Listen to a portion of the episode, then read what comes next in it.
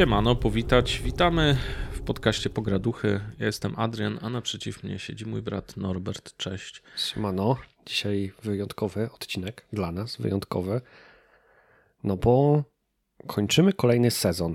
Tak sobie to nazwaliśmy, podzieliliśmy No, na sezony. Na Umownie. razie takie bardzo króciutkie te sezony, dynamiczne, bo wyrabiamy sobie e, nasze spojrzenie na ten podcast e, i dopuszczamy możliwość częstszych zmian. E, Ta forma jeszcze nie jest e, wyrobiona, więc tak stwierdziliśmy, że te sezony są krótkie. One są dosyć. krótkie, dlatego że my chcieliśmy zobaczyć, jak się czujemy w nagrywaniu, regularności, tematyce. Chcieliśmy zobaczyć, jak to będzie odbierane, co będzie się z tym działo dalej. No i tak jak powiedziałeś, jesteśmy w tym nowi i mimo tego, że myśleliśmy o tym od bardzo, bardzo dawna, o całym podcaście, całym projekcie, to mm, podczas naszych rozmów i takiego przygotowania, o tak to może powiem, e, różne pomysły się ścierały. No i trzeba było to sprawdzić w boju. Takie rozpoznanie bojem zrobiliśmy. E, Z pewnych rzeczy jesteśmy zadowoleni, z pewnych niekoniecznie. I tak jak zawsze do tej pory w tych odcinkach dzieliliśmy się z Wami przemyśleniami na temat konkretnego dzieła, to teraz będziemy się dzielić przemyśleniami na temat samego naszego e, kanału, podcastu, tej formy. No właśnie, bo to też będziemy mówić trochę, czym to, czym to dla nas jest i czym to się staje. Yy, No i będziemy wyciągać, starać się wyciągać pewne, pewne wnioski. Czy trafne? No to czas pokaże. To tyle, czyli witamy Was na podsumowaniu. Mówię kolejnego sezonu, żeby nie mówić którego, bo jest pewna. Chyba to jest trzeci, Tak, bo jest zerowy, jest zero pierwszy. zero, drugi jest- pierwszy, drugi i to chyba byłby trzeci, tak? Wtedy, ale no W naszej kolejny. głowie, słuchajcie, w naszej głowie ma to sens. Jeżeli dla, Będzie pewien to- reboot, no, bo, bo, bo zaraz Tak. wyjdzie, że nagrywamy 16 sezon albo coś, więc Tak. będzie pewien reboot. Mamy nadzieję, Tam że to wrzucimy do leg- tam to wrzucimy wszystko do legend, Do zrobimy legend, nowy kanon. tak. To nie będzie, kanoniczne. okej. To nie będzie kanoniczne. E, No tak, nie będzie kanoniczne, bo, bo trochę się pozmienia. Dobra, e, no i tyle. E, Czy my chcemy mówić jakby tak super od początku, czym, czym są pograduchy? Może powiedzmy, z tego względu, że, Że zaraz się to zmieni. że zaraz się to trochę będzie chyba zmieniać. No to czym pograduchy są do tej pory? Mm, Pograduchy do tej pory, a właściwie pograduchy RPG, bo, bo ta pierwsza nazwa była jakoś tam zajęta gdzieś chyba na Spotify'u.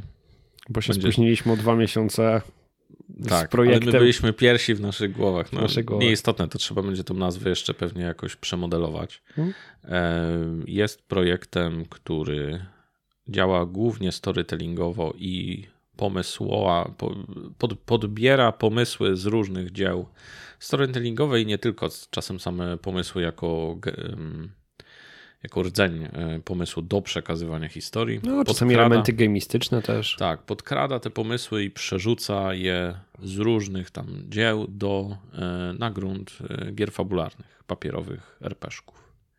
Tak. Tym się zajmowaliśmy przez ostatnie, jeżeli dobrze liczę, to chyba 22 odcinki mniej więcej, poza, poza No, od- takimi od ma- odcinkami od ekstra. maja 2023. Tak, nasz pierwszy odcinek pojawił się pi razy oko 5 miesięcy temu, czyli to nagrywamy pół roku. Czyli nagrywam pół roku, no jako To całość. jest, to jest ciekawe. Nieźle. No, fajnie, no pół roku, że zbieramy się w miarę regularnie praktycznie poza jednym ostatnim incydentem. Wszystko wychodziło chyba na czas. Nie wiem jak na YouTubie, ale na Spotify. No, na tak YouTubie było. mam obsługę czasami. Na YouTubie, bo akurat teraz mam otwarte, mamy 20 chyba dwa odcinki. Tak, 22 filmy, z czego dwa są ekstrasowe, takie e, dodatkowe Mhm. o różnych tematach, które nas gryzły w danym czasie i to jest e, emerytura naszego taty i w ogóle jako taka E, i e, ekstras Stoporiady, na którą mieliśmy się wybrać, znaczy wybraliśmy się w, w składzie ty. 50%. Ja niestety zostałem wstrzymany. No i jedno było też podsumowanie z sezonu jakby 0-1 i, i wszystkiego, co tam. No dobra, to pierwsza rzecz, e, którą już tutaj powiedziałeś odnośnie ilości odcinków. Nagrywamy pół roku. Tematyka już powiedziałeś. Powiedziałeś też o składzie. Skład na dzień dzisiejszy, albo inaczej, do dnia dzisiejszego jest dwuosobowy. To znaczy dwuosobowy, jeżeli chodzi o nagrywanie tego e, podcastu, czyli to... Nie, dwuosobowy na razie to jest dwuosobowy a propos wszystkiego. Nie, nie, tu bym się nie zgodził, bo jednak dużo naszych e, przemyśleń bierze się z dyskusji, którą prowadzimy z naszych to znajomych. To I część rzecz. tych przemyśleń wynika też e, z feedbacku, który otrzymujemy dokładnie, Dokładnie tak. No i też nie, nie, ukrywajmy, że rzeczy, którymi tutaj mówimy, często są polecane albo przedyskutowane też w gronie naszych znajomych. Mm -hmm. Wspólnie mm -hmm. na przykład oglądamy, ostatnio oglądaliśmy, fakt, że jakby już po odcinku, ale anime.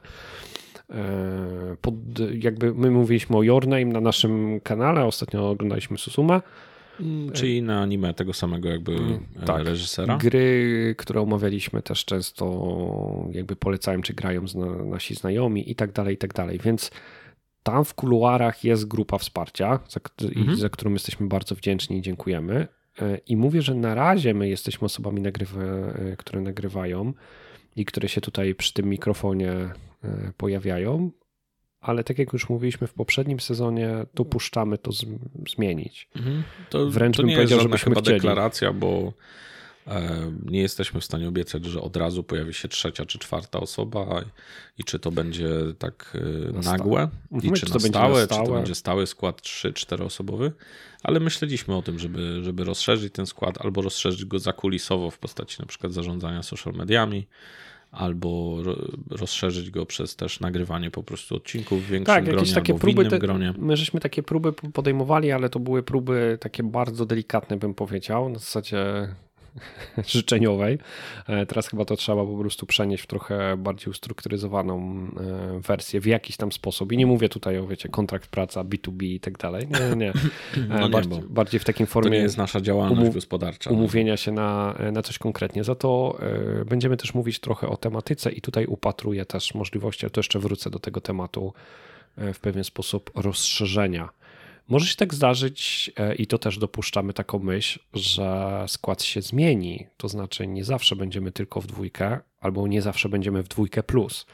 Może mhm. tutaj zamiast mnie pojawi się ktoś inny, może zamiast ciebie pojawi się ktoś inny, może będziemy rozmawiać w trójkę, czwórkę. To, czwórka to max, bo tyle nasz sprzęt obecny jakby tak, a jest obecnego sprzętu nie, nie zamierzamy chyba zmieniać, bo zmieniliśmy na ten właśnie sprzęt tak. i jakość póki co jest dla nas jak najbardziej zadowalające. No dobra, to właśnie może zacznijmy też trochę od tego, co się zmieniło w ciągu tego ostatniego sezonu, no bo łącznie odcinków mamy 20, tak jak powiedziałeś, dwa, a no, za to ten ostatni 10. sezon 10. Tak.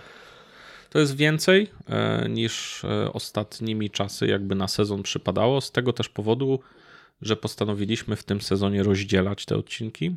Mhm. Dostaliśmy taki feedback, że one są długie, e, za długie i postanowiliśmy mm, nie wypuszczać ich raz na dwa tygodnie, tylko co tydzień i e, rozdzielać je. Znaczy dla nas, jeśli chodzi o nagrywanie, to właściwie była przerwa na herbatę, bo, tak. bo i tak nagrywaliśmy to z jednego posiedzenia, bo te odcinki się ze sobą bezpośrednio łączyły. Tak, bo zawsze była pierwsza część, która mówiła ogólnie. Była omówieniowa o, mhm. o danym dziele i druga część, która była y, RPGowa, albo przynajmniej staraliśmy się, żeby była stricte RPGowa. Mm, czyli już wyciągania pomysłów e, z dzieła omówionego dla Was tydzień temu do e, gier fabularnych. Troszkę tak? innym podejściem był ten ostatni odcinek, czyli Forbidden Landsy, gdzie, gdzie, pierwsza część była RPGowa, a druga była RPGowa uniwersalna, czyli najpierw mm, mówiliśmy tak. konkretnie o systemie, a później do innych, ale ten podział na dwa. E, I zrobiliśmy to dlatego, żeby, że odcinki były za długie. No i co, udało się? No, są krótsze. No. E, no są. No nie można powiedzieć, że nie są. Są krótsze. Czekaj, zaraz, żeby nie było. Mam tu statystyki. Statystyki? Okej. Okay. E, no dobra. Tunik zajął godzinę 34. To no. jest nasz pierwszy pilotażowy no. odcinek. Chain Dechos zajął godzinę 19. Mhm. The Last of Us Chciałbym zauważyć, że to mówisz to... o pierwszym sezonie, gdzie jeszcze były podwójne odcinki. Tak. W sensie jakby była część jedna i druga. Mhm. No The Last of Us zajęło dwie godziny, później Your Name godzina 44, Blade Runner 2.43. Bo my się rozkręcamy. Ale to też jest długi film, to nas usprawiedliwia. Diablo 4 2.36, y, o rogalikach 2.17, y, Emerytura godzina 20, Uratuj kotka 2.30, o rogalikach Matrix 2.50. Ekstras? A możliwe, że trochę był, no. I ekstras e, o toporyadzie godzinny i później jest podsumowanie sezonu i od tej pory jest zmiana. No i teraz One Piece. Dwa razy po godzinie jest zmiana. Jest zmiana, ale to jest dopiero początek. Ale to jest wciąż suma dłużej niż. Okej, okay, ale na odcinek jest krócej, mhm. bo my powiedzieliśmy, że tą zmianę chcemy zrobić o tym, żeby de facto powiedzieć więcej, bo my czujemy, że mamy jeszcze materiał, tylko nie chcemy w jednym a... odcinku to robić, tak? Goblin Slayer to jest godzina 10 i godzina 30. Tak? Mhm. Sumarycznie. Wiem, nie Ra patrzmy na sumę. Okej, okay, sumarycznie jest dłużej, ale na odcinek jest krócej. No i teraz Baldur's Gate. Godzina 30 i 2.12. No tutaj coś nie wyszło. Bo to jest duża gra.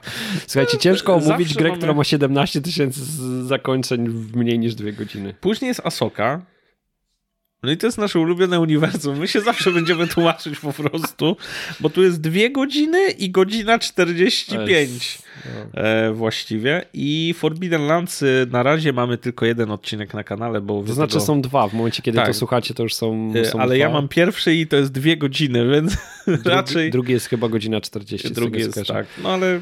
No, Dobra, no wniosek z tego wyszło. taki, że chcieliśmy dobrze i wyszło jak zawsze. Trochę to pokazuje, mm, ale właśnie, bo może zróbmy taką analizę z czego się biorą długość tych odcinków, bo jedno to powiedziałeś, że my mamy dużo do powiedzenia na temat samego odcinku i to, to się, znaczy odcinku w sensie na, na temat samego dzieła i to się zgodzę. My, my też mówimy wolno.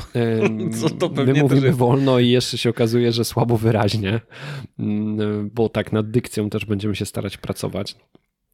Ja myślę, bo ja też o tym myślałem, dlaczego te odcinki się wydłużają.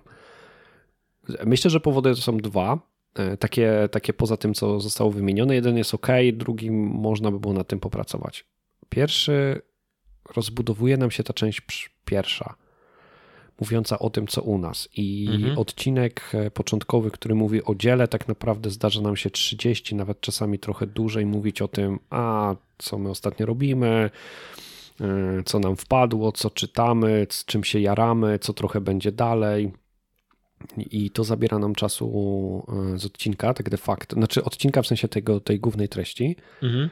I druga rzecz, chyba my w głowie, mając to, że e, mamy dwa odcinki, to możemy powiedzieć więcej, e, dochodzimy do takiego momentu, w którym no, staramy się mówić wszystko, co na tą chwilę mm, mamy w naszych głowach przedyskutowane. Czy to dobrze? Ciężko mi powiedzieć. I wierzcie mi, że po każdym odcinku też mamy tak, że a jeszcze tego nie powiedziałem, a, a jeszcze nad tym rozmawialiśmy, a to jeszcze był taki ważny wątek.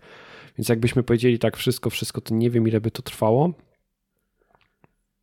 I, i to, jest, to jest moje pytanie. Ja nie wiem ile te odcinki powinny trwać. Mm, Okej, okay, no to teraz tak.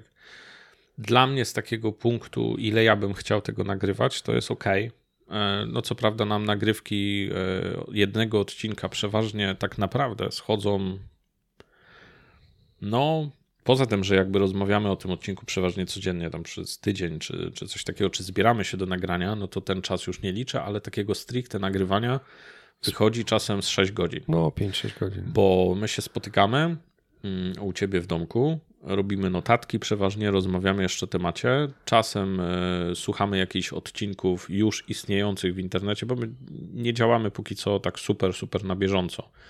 Mhm bo no, to się dzieje z różnych przyczyn. No, choćby, choćby z takiej czysto ekonomicznej, że na przykład y, rzadko kiedy mamy tak, żeby kupować na przykład gry na premierę albo, y, albo zasuwać wszystko na premierę i tak wypuszczać. Czasem nawet nie mamy dostępu. Ja na przykład wolno czytam, więc y, przychodzi mi podręcznik RPGowy i zanim go przeczytam, to on już nie jest aktualny, już, nie jest, już jest passé. Tak, a dzisiejszy świat internetowy działa tak, że jeżeli wychodzi mm, powiedzmy gra komputerowa, to 90% takiego dużego YouTube'a tylko czeka jak NDA zajdzie.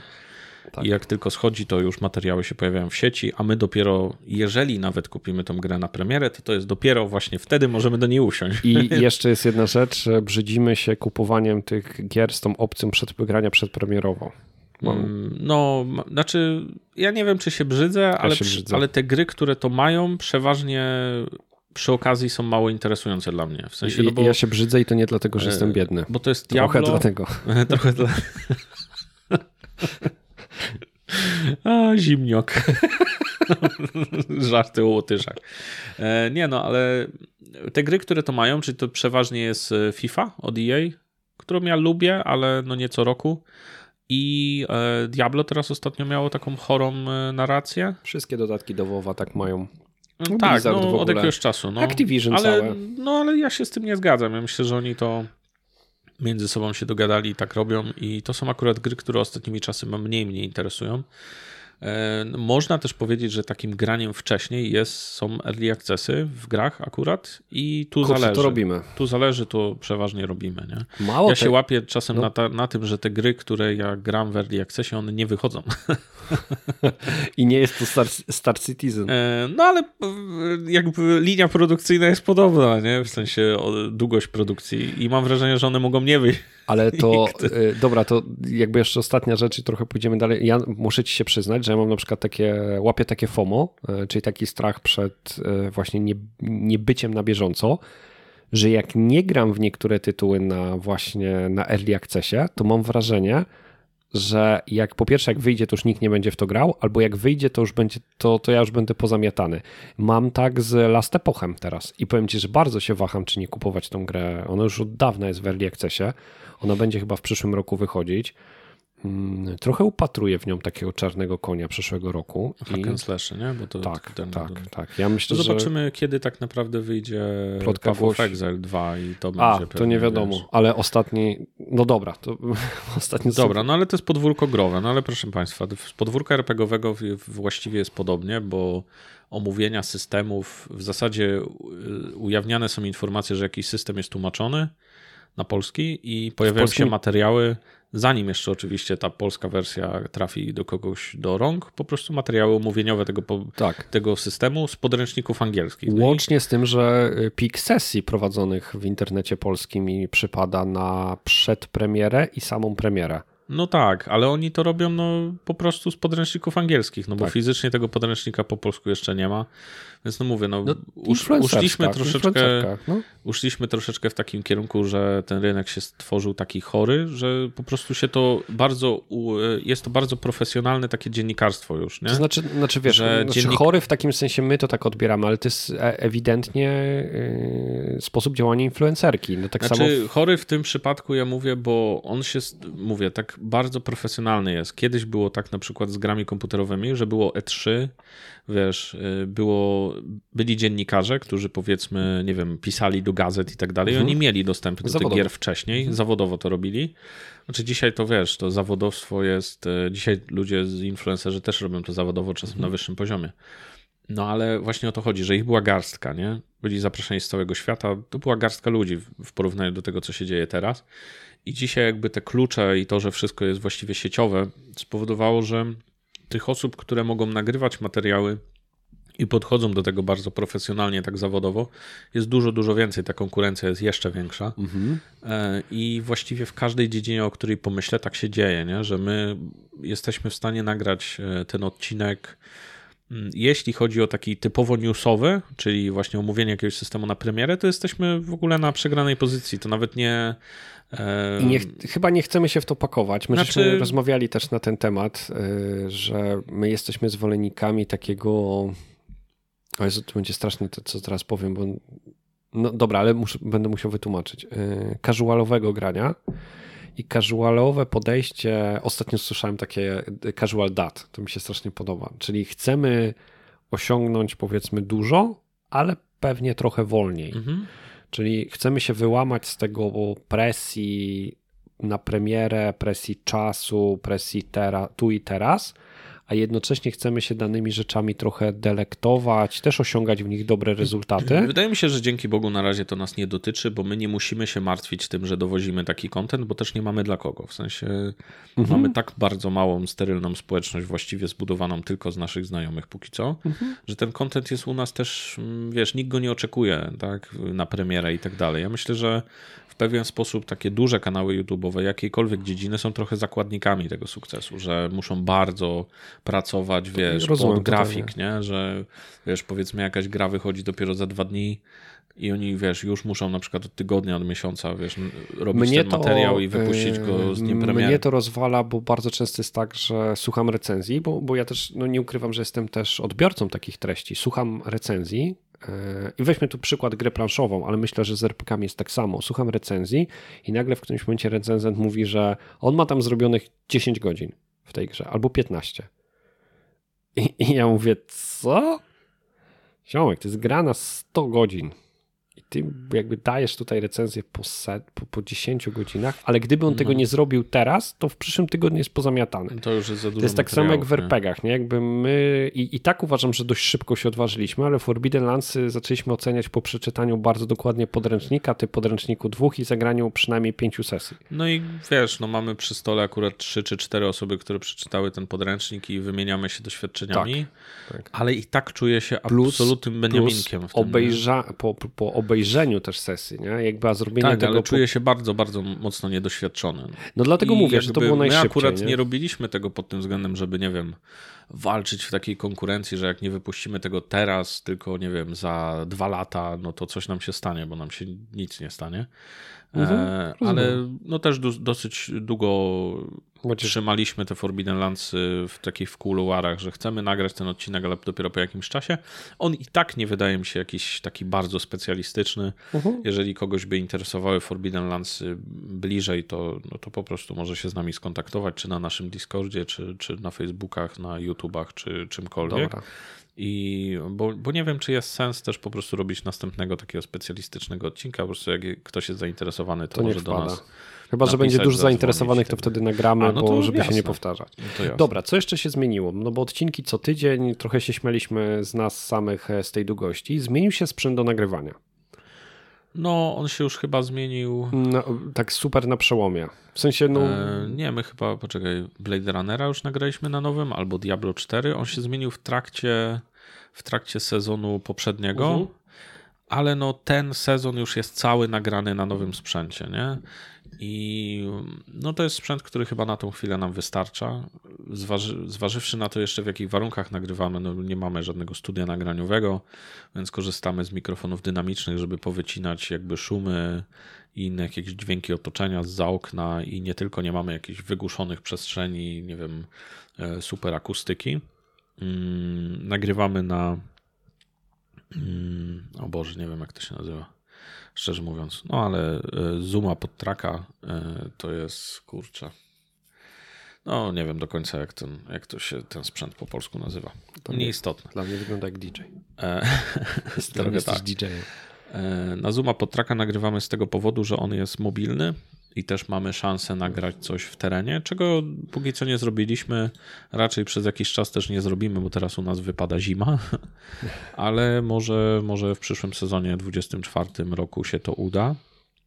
Mm, mamy tu jeszcze y, ktoś, kto widzi ten sprzęt, może szybko zauważyć, że mamy tu jeszcze miejsca na dwa mikrofony, a nawet mamy chyba miejsca na to, żeby rozmawiać z kimś przez telefon albo komputer na przykład, więc teoretycznie jesteśmy zdolni do nagrywania w cztery osoby i nie ukrywam, że ten sprzęt był myślany pod to. Rejestrator podręczny. Rejestrator dźwięku, no.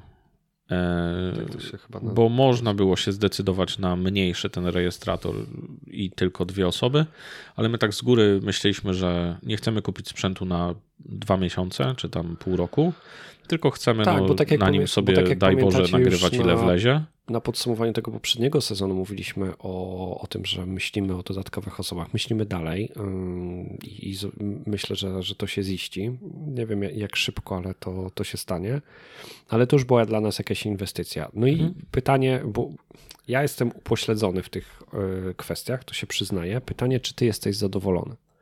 E, no, ja jestem na tą chwilę przy takiej minimalnej obróbce też dźwięku, jaką robimy mhm. i, i tego, jak mało teraz możemy poświęcić czasu na przygotowanie tego odcinka w porównaniu.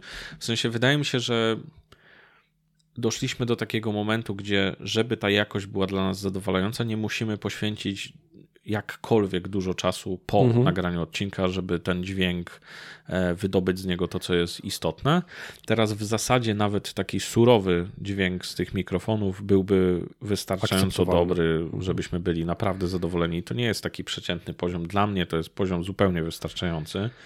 No i zdajemy sobie sprawę, że przejście na poziom wyżej to już jest bardzo duża inwestycja czasu, pieniędzy, tak naprawdę logistyki, rozłożenia tego, tego wszystkiego. Więc jeżeli chodzi o dźwięk, mam nadzieję, że, że słucha się tego dobrze. My... Myślę, że uzyskamy dużo lepszą jakość dźwięku, poświęcając tą pracę gdzie indziej niż w samokupno nowych rejestratorów tak, na przykład mikrofonów. Jak... Na przykład pracy nad dykcją, pracy nad, nie wiem, tempem mówienia e, nad no, jakością dźwięku, ale w ogóle jakością zmian, samego podcastu. Zmian siedzenia na mniej skrzypiące i tak, tak dalej. Tak, tak, tak. A samą jakością podcastu teraz właśnie możemy się zająć gdzie indziej, zupełnie włożyć tą pracę czy pieniążki i uzyskać dużo lepsze efekty niż cały czas usprawnianie sprzętu stricte do nagrań. Okej, okay, czyli to się zmieniło. E, co, pojawi, mhm. co się jeszcze pojawiło? Pojawiła się muzyka na początku, jingle, na początku i, i końcu.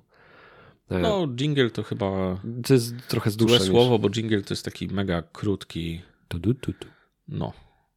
Dobre jingle takie e, robione własnymi ustami ma termos, z tego co kojarzę. Piosenkę, swoich... widziałeś teraz piosenkę na a propos świąt? Nie. O Jezus, jest najlepsza na świecie. Słuchajcie, jakby...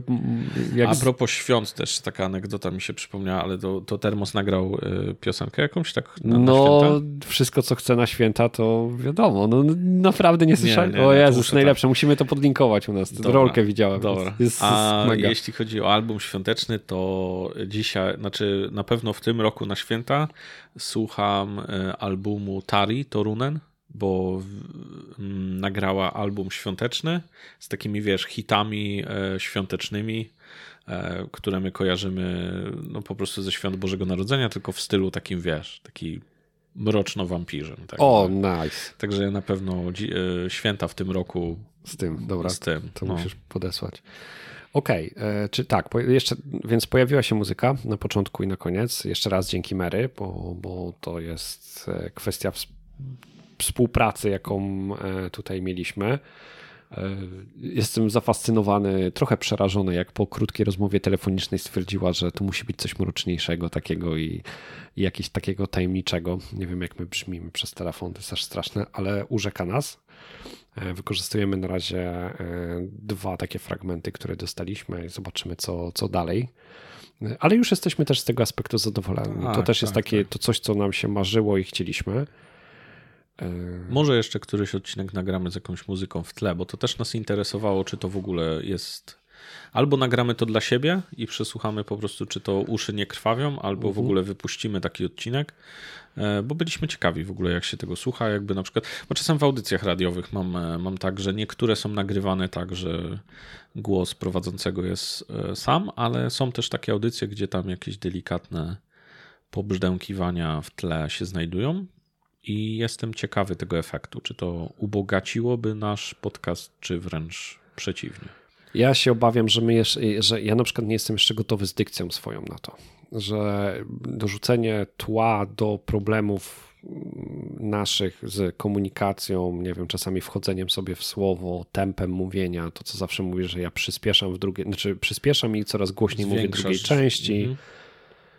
E, Nie wiem, ale to też mógłby być ciekawy eksperyment. W sensie, może właśnie to tempo mówienia by nam się pod muzykę układało, na przykład pod dany, wiesz, pod dany rytm muzyki. Jeżeli my też mielibyśmy na przykład podsłuch tej muzyki, to też można by było tak spróbować zrobić. Tak, tylko układasz 140 uderzeń, no, wiesz, na sekundę ja dostaję Taka zawału. Kurwa death metal. dobra.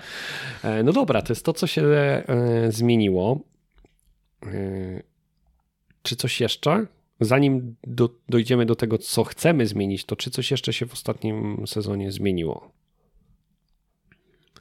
Nie było ekstrasów. To też nie było ekstrasów. Zaskoczyło. Wydaje mi się, że on się dosyć mocno wypłaszczył. Zaraz ci powiem, czy taka jest prawda. I ja mam teorię, dlaczego nie było ekstrasów, no ale to... No to wal teoria. teoria jest taka, coś? że my żeśmy wchłonęli tematy z ekstrasów do początku odcinka.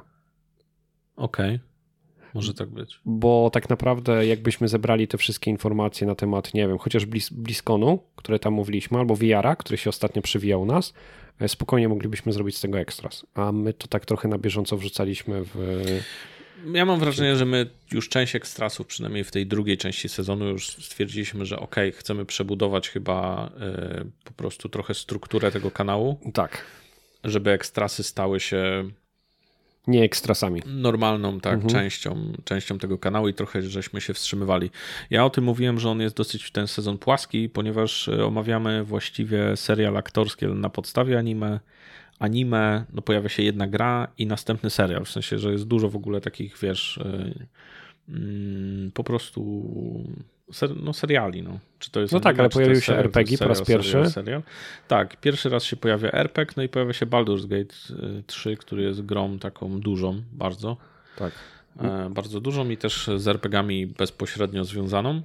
Mm. Dalej nie ma planszówki, mhm. a chcieliśmy. Chcieliśmy. Trochę nie mamy pomysłu. Myślę, że właśnie przy planszówkach będzie łatwiej coś zorganizować e, po tych zmianach, które Wam zapowiemy, bo, bo nie zawsze mamy e, pomysł, jak bezpośrednio odnieść to do RPGów. Mhm. I oczywiście możemy to wtedy wrzucić w ekstras, e, ale tak jak mówimy, chcemy te ekstrasy wprowadzić tak na stałe do, mm, do tego formatu. No. Dobra, no to teraz taka kolejna rzecz, czyli zawsze na podsumowaniu o czym się mówi. Z czego jesteśmy zadowoleni? Najpierw ogólnie. Um, ogólnie jestem zadowolony z tym, że jakby cały czas, e, cały czas idziemy z tym projektem i mimo, że bardzo, bardzo, bardzo długo, za długo się do niego zbieraliśmy, mm, no to on wystartował e, te 5 miesięcy temu przez nagranie tego do szuflady, ale później wystartował faktycznie w ten internet. Okazało się, że nic nie wybuchło. Mhm. Nie ukrywam, że trochę miałem nadzieję, że będzie większy odzew, ale też on, nie, on wynika z tego, że nie wkładamy żadnej pracy jakby w budowanie społeczności. O tym też będziemy mhm. mówić, ale w tej drugiej części, co nam nie wyszło. Ale jestem zadowolony z tego, że to po prostu robimy. I nie jest to dla nas taki problem aż, mimo że obydwoje pracujemy w innych firmach, w innej pracy i e, no, mamy też swoje problemy jakby zawodowe, które nam zabierają czas Zajmujemy się różnymi rzeczami też pozazawodowo. Tak. To udaje się to zrobić w miarę regularnie. No jeden wyjątek, ale to zdrowotny, taki no, nie do przewidzenia tak naprawdę. No i on, to od razu można powiedzieć, że jeżeli nie będziemy mieli jakiejś nie wiadomo jakiej bazy e, odcinków do przodu, albo nie wyrobimy sobie jakiegoś formatu, który będziemy mogli nagrywać solo, no to takie rzeczy zdrowotne będą nas wywalać, no bo nie wyobrażam sobie, nie wiem, e, po, przy twoich atakach e, nerkowych nagrywać odcinka. Tak, bo, bo połowa bo, byłaby z wanny. No. Tak, bo żeby, żebyście wiedzieli, co, co się stało, to, to ja trochę powiem, bo ja czasami mam marzenie zostać ojcem, i, ale nie w takim łukowym, obecnym jakby trendzie, tylko ja sobie czasami rodzę kamienia, które jakby tam hoduję na swoich nerkach. No Głazora. I ostatnio... Głazor. E, I ostatnio właśnie przydarzają mi się, w tym roku mi się niestety już drugi raz przydarzyło coś takiego. E, no i to się będzie zdarzać dalej, bo ostatnio miałem USG i to jest ciąża mnoga. Tam tak, się okazało, że dużo że, że jest grubo, więc e, może wyskoczy. No mam nadzieję, że nie, ale albo mam nadzieję, że wyskoczy tak, e, wpadnie, wypadnie i na jakby pewno. wszystkim. Nie, trzy dni po ich rozmiarze to na pewno będzie to bezbolesne. E, jakby no nie będę. No dobry. ale no nie wiem, no jakiś czas temu w życiu też przydarzył ci się wypadek z tam po prostu z udziałem samochodu. E, no i też no nie Zostałem przejechany sobie... na przejściu dla pieszych, to jakby tak właściwie można to nazwać. No można to tak nazwać. No. Wypadki chodzą, tak, więc, e, więc takie no to się będzie zdarzać. No. Możliwe, no. że wpadniemy wtedy na jakiś format taki albo pisany. Wtedy e... nagrasz odcinek, co się ze mną dzieje i będziesz tutaj, wiesz... Będę tak, będę Państwa informował po prostu, co się dzieje. Może będziemy mieli właśnie kolejną osobę i wtedy ten e, ciężar to, odcinka może się przenieść trochę na nagrywanie w duecie, ale na przykład w innym duecie. Może będą jakieś formaty solowe, może jakieś tekstowe. No zobaczymy, jak to ograć, ale pokazało nam to też, że może się pojawić taki problem i on w, w, tej formie jest nie do obejścia. Tak. Po prostu. Dobra. Y, czy coś jeszcze? Y, jeżeli chodzi o takie. Z takich ogólnych rzeczy to jestem chyba najbardziej zadowolony z tego, że na że nagrywamy dalej i z bardzo dobrym harmonogramem. Nie? Dałoby się pewnie pomnożyć ten harmonogram i widzę, że ludzie, którzy nagrywają podcasty, czasem nagrywają podcast dwa razy w tygodniu, ale to są duże podcasty, które już zarabiają właściwie tym na siebie. Nie? Więc mhm. E, przy takiej. I one są krótsze, żeby nie było. Bo, od, tak. One są godzinne, no jak godzina 40 wybije, to godzina 40 dla nas to jest. Huh, a długie, długie, podcast, długie są wywiady? ale no umówmy się, że do tego wywiadu, znaczy nie, żeby nie było, no nie jest tak, że ludzie się nie przygotowują, ale trochę to jest inaczej, czyli masz zestaw pytań i płyniesz z rozmową, ale to nie jest tak, że wiemy dokładnie, tak stuprocentowo, o czym będziemy się e, o czym będziemy rozmawiać. No i tam są inne problemy, bo są problemy po prostu z umówieniem gości. Nie? Oczywiście. Więc, wiesz, Oczywiście. coś e, uzyskujesz, coś tracisz. A ty z czego jesteś zadowolony? Co, ja jestem zadowolony z tego, że mimo tego, że nagrywamy już pół roku, mimo tego, że mm, trzymamy się tej wersji, to nie kończą nam się pomysły. To zna, wręcz bym powiedział, że jest ich coraz więcej, one się generują. Ja miałem taką obawę, że po pierwszych, nie wiem, trzech, czterech odcinkach wypykamy się z wszystkich rzeczy, które nam chodzą w głowie odnośnie na przykład RPGów, albo cały czas będziemy wracać do tych samych. Może jak się to słucha, to tak jest, ale ja mam wrażenie, że, że jednak odnajdujemy kolejne elementy. Pomogło nam to usystematyzować dużo takich rzeczy, o których wcześniej dyskutowaliśmy przy okazji, nie wiem, feedbacku, podsumowania sesji czy, czy oglądania czegoś. No i to, że wręcz odnajdujemy kolejne elementy. Bo, bo ja się bałem, że się przepalimy, a mam wrażenie, że, że się wręcz rozkręcamy. Trochę czas odcinków o tym świadczy też. Że, że jest tego wręcz coraz więcej, a nie coraz mniej. No, ja jedyny taki e, podkręconą piłkę ci odbiję, że nam się trochę pojawiają pomysły poza tą naszą e, bańką, którą chcieliśmy nagrywać i stąd jest ten pomysł o rozszerzeniu, No tak. bo tych pomysłów takich, wiesz, odnoszących się do RPGów, może nie to, że nam zabrakło, ale no one się pojawiają, że nie tylko one się pojawiają, pojawiają się też inne pomysły. Znaczy ja myślę, że one, ja to odbieram tak, że to nie jest tak, że zabrakło, tylko krok dalej, gdybyśmy chcieli mówić o kolejnych rzeczach, które my mamy przedyskutowane, których myślimy, to ja mam wrażenie, że ten podcast zrobiłby się już taki bardzo specjalistyczny, a trochę też nie wiem, czy, czy jestem gotowy i czy na tą chwilę chcę iść w tym kierunku, bo to by się zrobiły takie warsztaty nie wiem, zaawansowane. Z wyroli. No, no cięż, ciężko mi powiedzieć. Już takie- gry z wyrol. no, już takie, takie E. bardzo specyficzne narzędzia, bardzo specyficzne zagrywki, bardzo specyficzne sceny, sposoby, jakieś takie pomysły y, odbudowania bohatera, ale takie roz, rozłożone na najdrobniejsze szczegóły. No znowu, jeżeli ktoś byłby zainteresowany takim faktem, to No proszę się- nam dać tak, my się znać. tym Jeżeli zajmujemy. będzie kilka osób, to taki warsztaty dla mistrzów gry z wyroli albo graczy z wyroli będziemy e, robić też na kanale.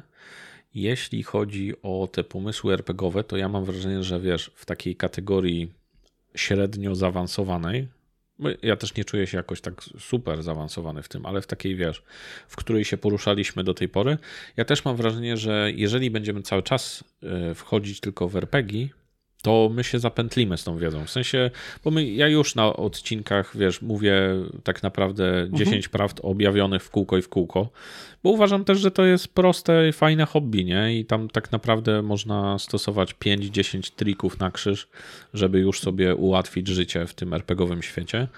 Mm, I to nie jest, nie jest aż takie trudne, jak się wydaje, i też fajnie to jest odczarować, no ale ile można w kółko mówić e, cały czas to samo. E, Więc e, fajnie, je, fajnie by było poszerzyć ten, em, ten horyzont tematów, nie? żeby też e, żeby też mówiąc o RPGach wydawało nam się to wciąż świeże, a nie, a nie w kółko to samo. Poza tym z RPGami jeszcze jest to, że no, my gramy od jakiegoś czasu. Wśród naszych znajomych są osoby, z którymi też już my gramy od jakiegoś czasu i mam wrażenie, że są pewne rzeczy, które może dla nas są oczywiste, No myślę, że jesteśmy w jakiejś bańce, nie? No tak, to jakby i- nie da się tego nie uniknąć. docierają do nas, a z drugiej strony pewnie popełniamy błędy, które dla innych są o Jezus, jak tak można, a my sobie siedzimy w tym swoim grajdołku i, i nawet nie widzimy. Ja, Tak, ja, ja przez lata tam. grania w RPG odszczekałem dużo rzeczy, które kiedyś robiłem i kiedyś one mi się wtedy wydawały fundamentalne i absolutnie nie do ruszenia i trzeba było, trzeba było to zmienić i jestem przekonany, że, że w dalszym ciągu jestem na etapie mm, zmian i pewnie za 10 lat będę grał i prowadził zupełnie inaczej niż teraz. Ja mam nadzieję trochę właśnie, że e, tak dla. e, Jeżeli pomyśleć o tym e, stworzeniu kanału czy tego podcastu pod względem takich prywatnych korzyści, to miałem nadzieję, że uda się zbudować na tyle mm, małą, ale jednak no jakąś społeczność, że właśnie ta bańka będzie mi się poszerzać, że będę mógł odbijać pewne pomysły ze społecznością, oni mi zwrócą uwagę na jakieś To rzeczy. I ta banieczka będzie rosła i będę bardziej, że tak powiem, światły niż teraz. Mm, No bo nie chciałbym utknąć e, w takim, wiesz, przekonaniu, że moja prawda jest najmojsza i, e, i mhm. wszy, wszystkie rozumy pozjadałem na świecie, bo, bo tak nie jest. Ale, ale jeżeli jest... nie będę tych pomysłów odbijał, wiesz, z kimś, e, kto właśnie jest w innej bańce informacyjnej, no to ciężko mi będzie z tego wyjść. To teraz ja ci odbijam piłkę i też będzie podkręcona. Za to obawiam, ja mam takie przeczucie, to co powiedziałeś, że jeżeli ta bańka jest za duża, to w którymś momencie to też jest niedobrze. I teraz dlaczego? Bo mam wrażenie, że jeżeli coś jest takie mainstreamowe i powiedzmy, że duża grupa osób tak robi, to wtedy wyłącza się ten mechanizm zastanawiania się w ogóle, czy, czy to jest ok. I ja na przykład boję się takiej sytuacji i mnie się między innymi w RPGach, nie tylko, ale w RPGach właśnie pojawiają e, czasami takie sytuacje, że ja mam bardzo nie po drodze e, z pewnymi przekonaniami, które są powszechnie uważane za prawdziwe. I zarówno mam tak w RPGach, powiedziałeś e, ten przykład z grami komputerowymi, czyli tym wyspecjalizowaniem, właśnie tym graniem na premierę, takim hypem, ciśnieniem, profesjonalizacją pewnych rzeczy. E, I to też są takie, ponieważ jest tego bardzo dużo, on został w jakiś sposób ten mm, stworzony, taki powiedzmy mit ogólny, taki mainstream, no to on jest tak potężny, że ciężko z nim dyskutować. I ja się trochę boję, że gdybyśmy się skonfrontowali z taką bardzo dużą bańką, to ona by nas zjadła. No, no to pierwsze to się pewnie nie stanie z dnia na dzień e, i ta społeczność, jeżeli już się ruszy do przodu i będzie rosła, to będzie, będą miejsca, żeby, e, żeby te poglądy weryfikować. Po drugie, wiesz, to wtedy będziemy nagrywać e, odcinki, one od razu będą clickbaitowe, bo będą, wiesz, mówić rzeczy niepopularne. No. Może. Nie, no trzeba, wiesz, wydaje mi się, że wystarczająco dużo czasu, dużo razy zmierzyliśmy się e, z niepopularnym poglądem w naszych głowach kontra mainstream, żeby, e, żeby też to ogarnąć, nie? bo to, to nie byłaby nie byłoby to dla mnie zaskoczeniem, że w tej strefie też zdarza się coś takiego, że Jasne. muszę muszę trochę pokminić, czy mainstreamowe myślenie jest, jest tym dobrym dla mnie. Okej. Okay. No dobra. A, a, czy jest jakiś odcinek z tego sezonu, którego jesteś najbardziej zadowolony? Który, jak myślisz o tym sezonie, który jakoś jako pierwszy ci przychodzi do głowy? Z tego sezonu? Hmm. Poczekaj, bo my nagraliśmy One Piece, później nagraliśmy Goblin Slayera, później Baldur, Asoka i Forbidden Lands. Wydaje mi się, dla mnie chyba Asoka jest takim odcinkiem, e, w którym dosyć głęboko udało mi się wejść jakby w ten serial, mimo że on nie jest zbyt długi, bo on ma tylko tam chyba 9 czy 8 odcinków, to wyciągnęliśmy z tego porównywalną część materiału, na przykład z Baldurem, który ma tam 100 godzin ponad, mm, albo z dłuższymi produkcjami.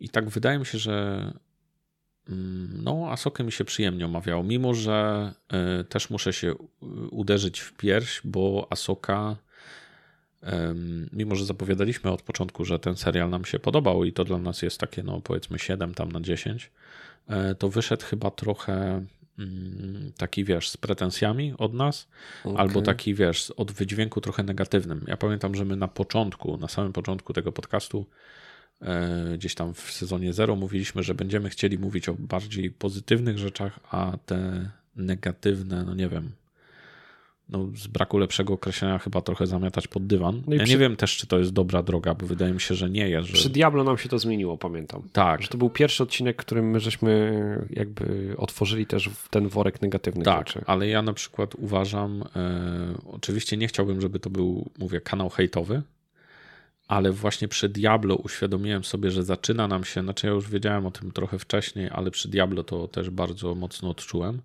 że zaczyna nam się w sferze takiej powiedzmy quasi dziennikarskiej, w ogóle omówień jakiegokolwiek tematu, taka sztuczna pozytywność nam się zaczyna. I mhm. przy Diablo bardzo to niestety wybrzmiało, że premier, y, że recenzje tej gry mm, były nad wyraz pozytywne, Mhm, niesłusznie. I jest. bardzo dużo ludzi mogło się naciąć po prostu niesłusznie na tą grę.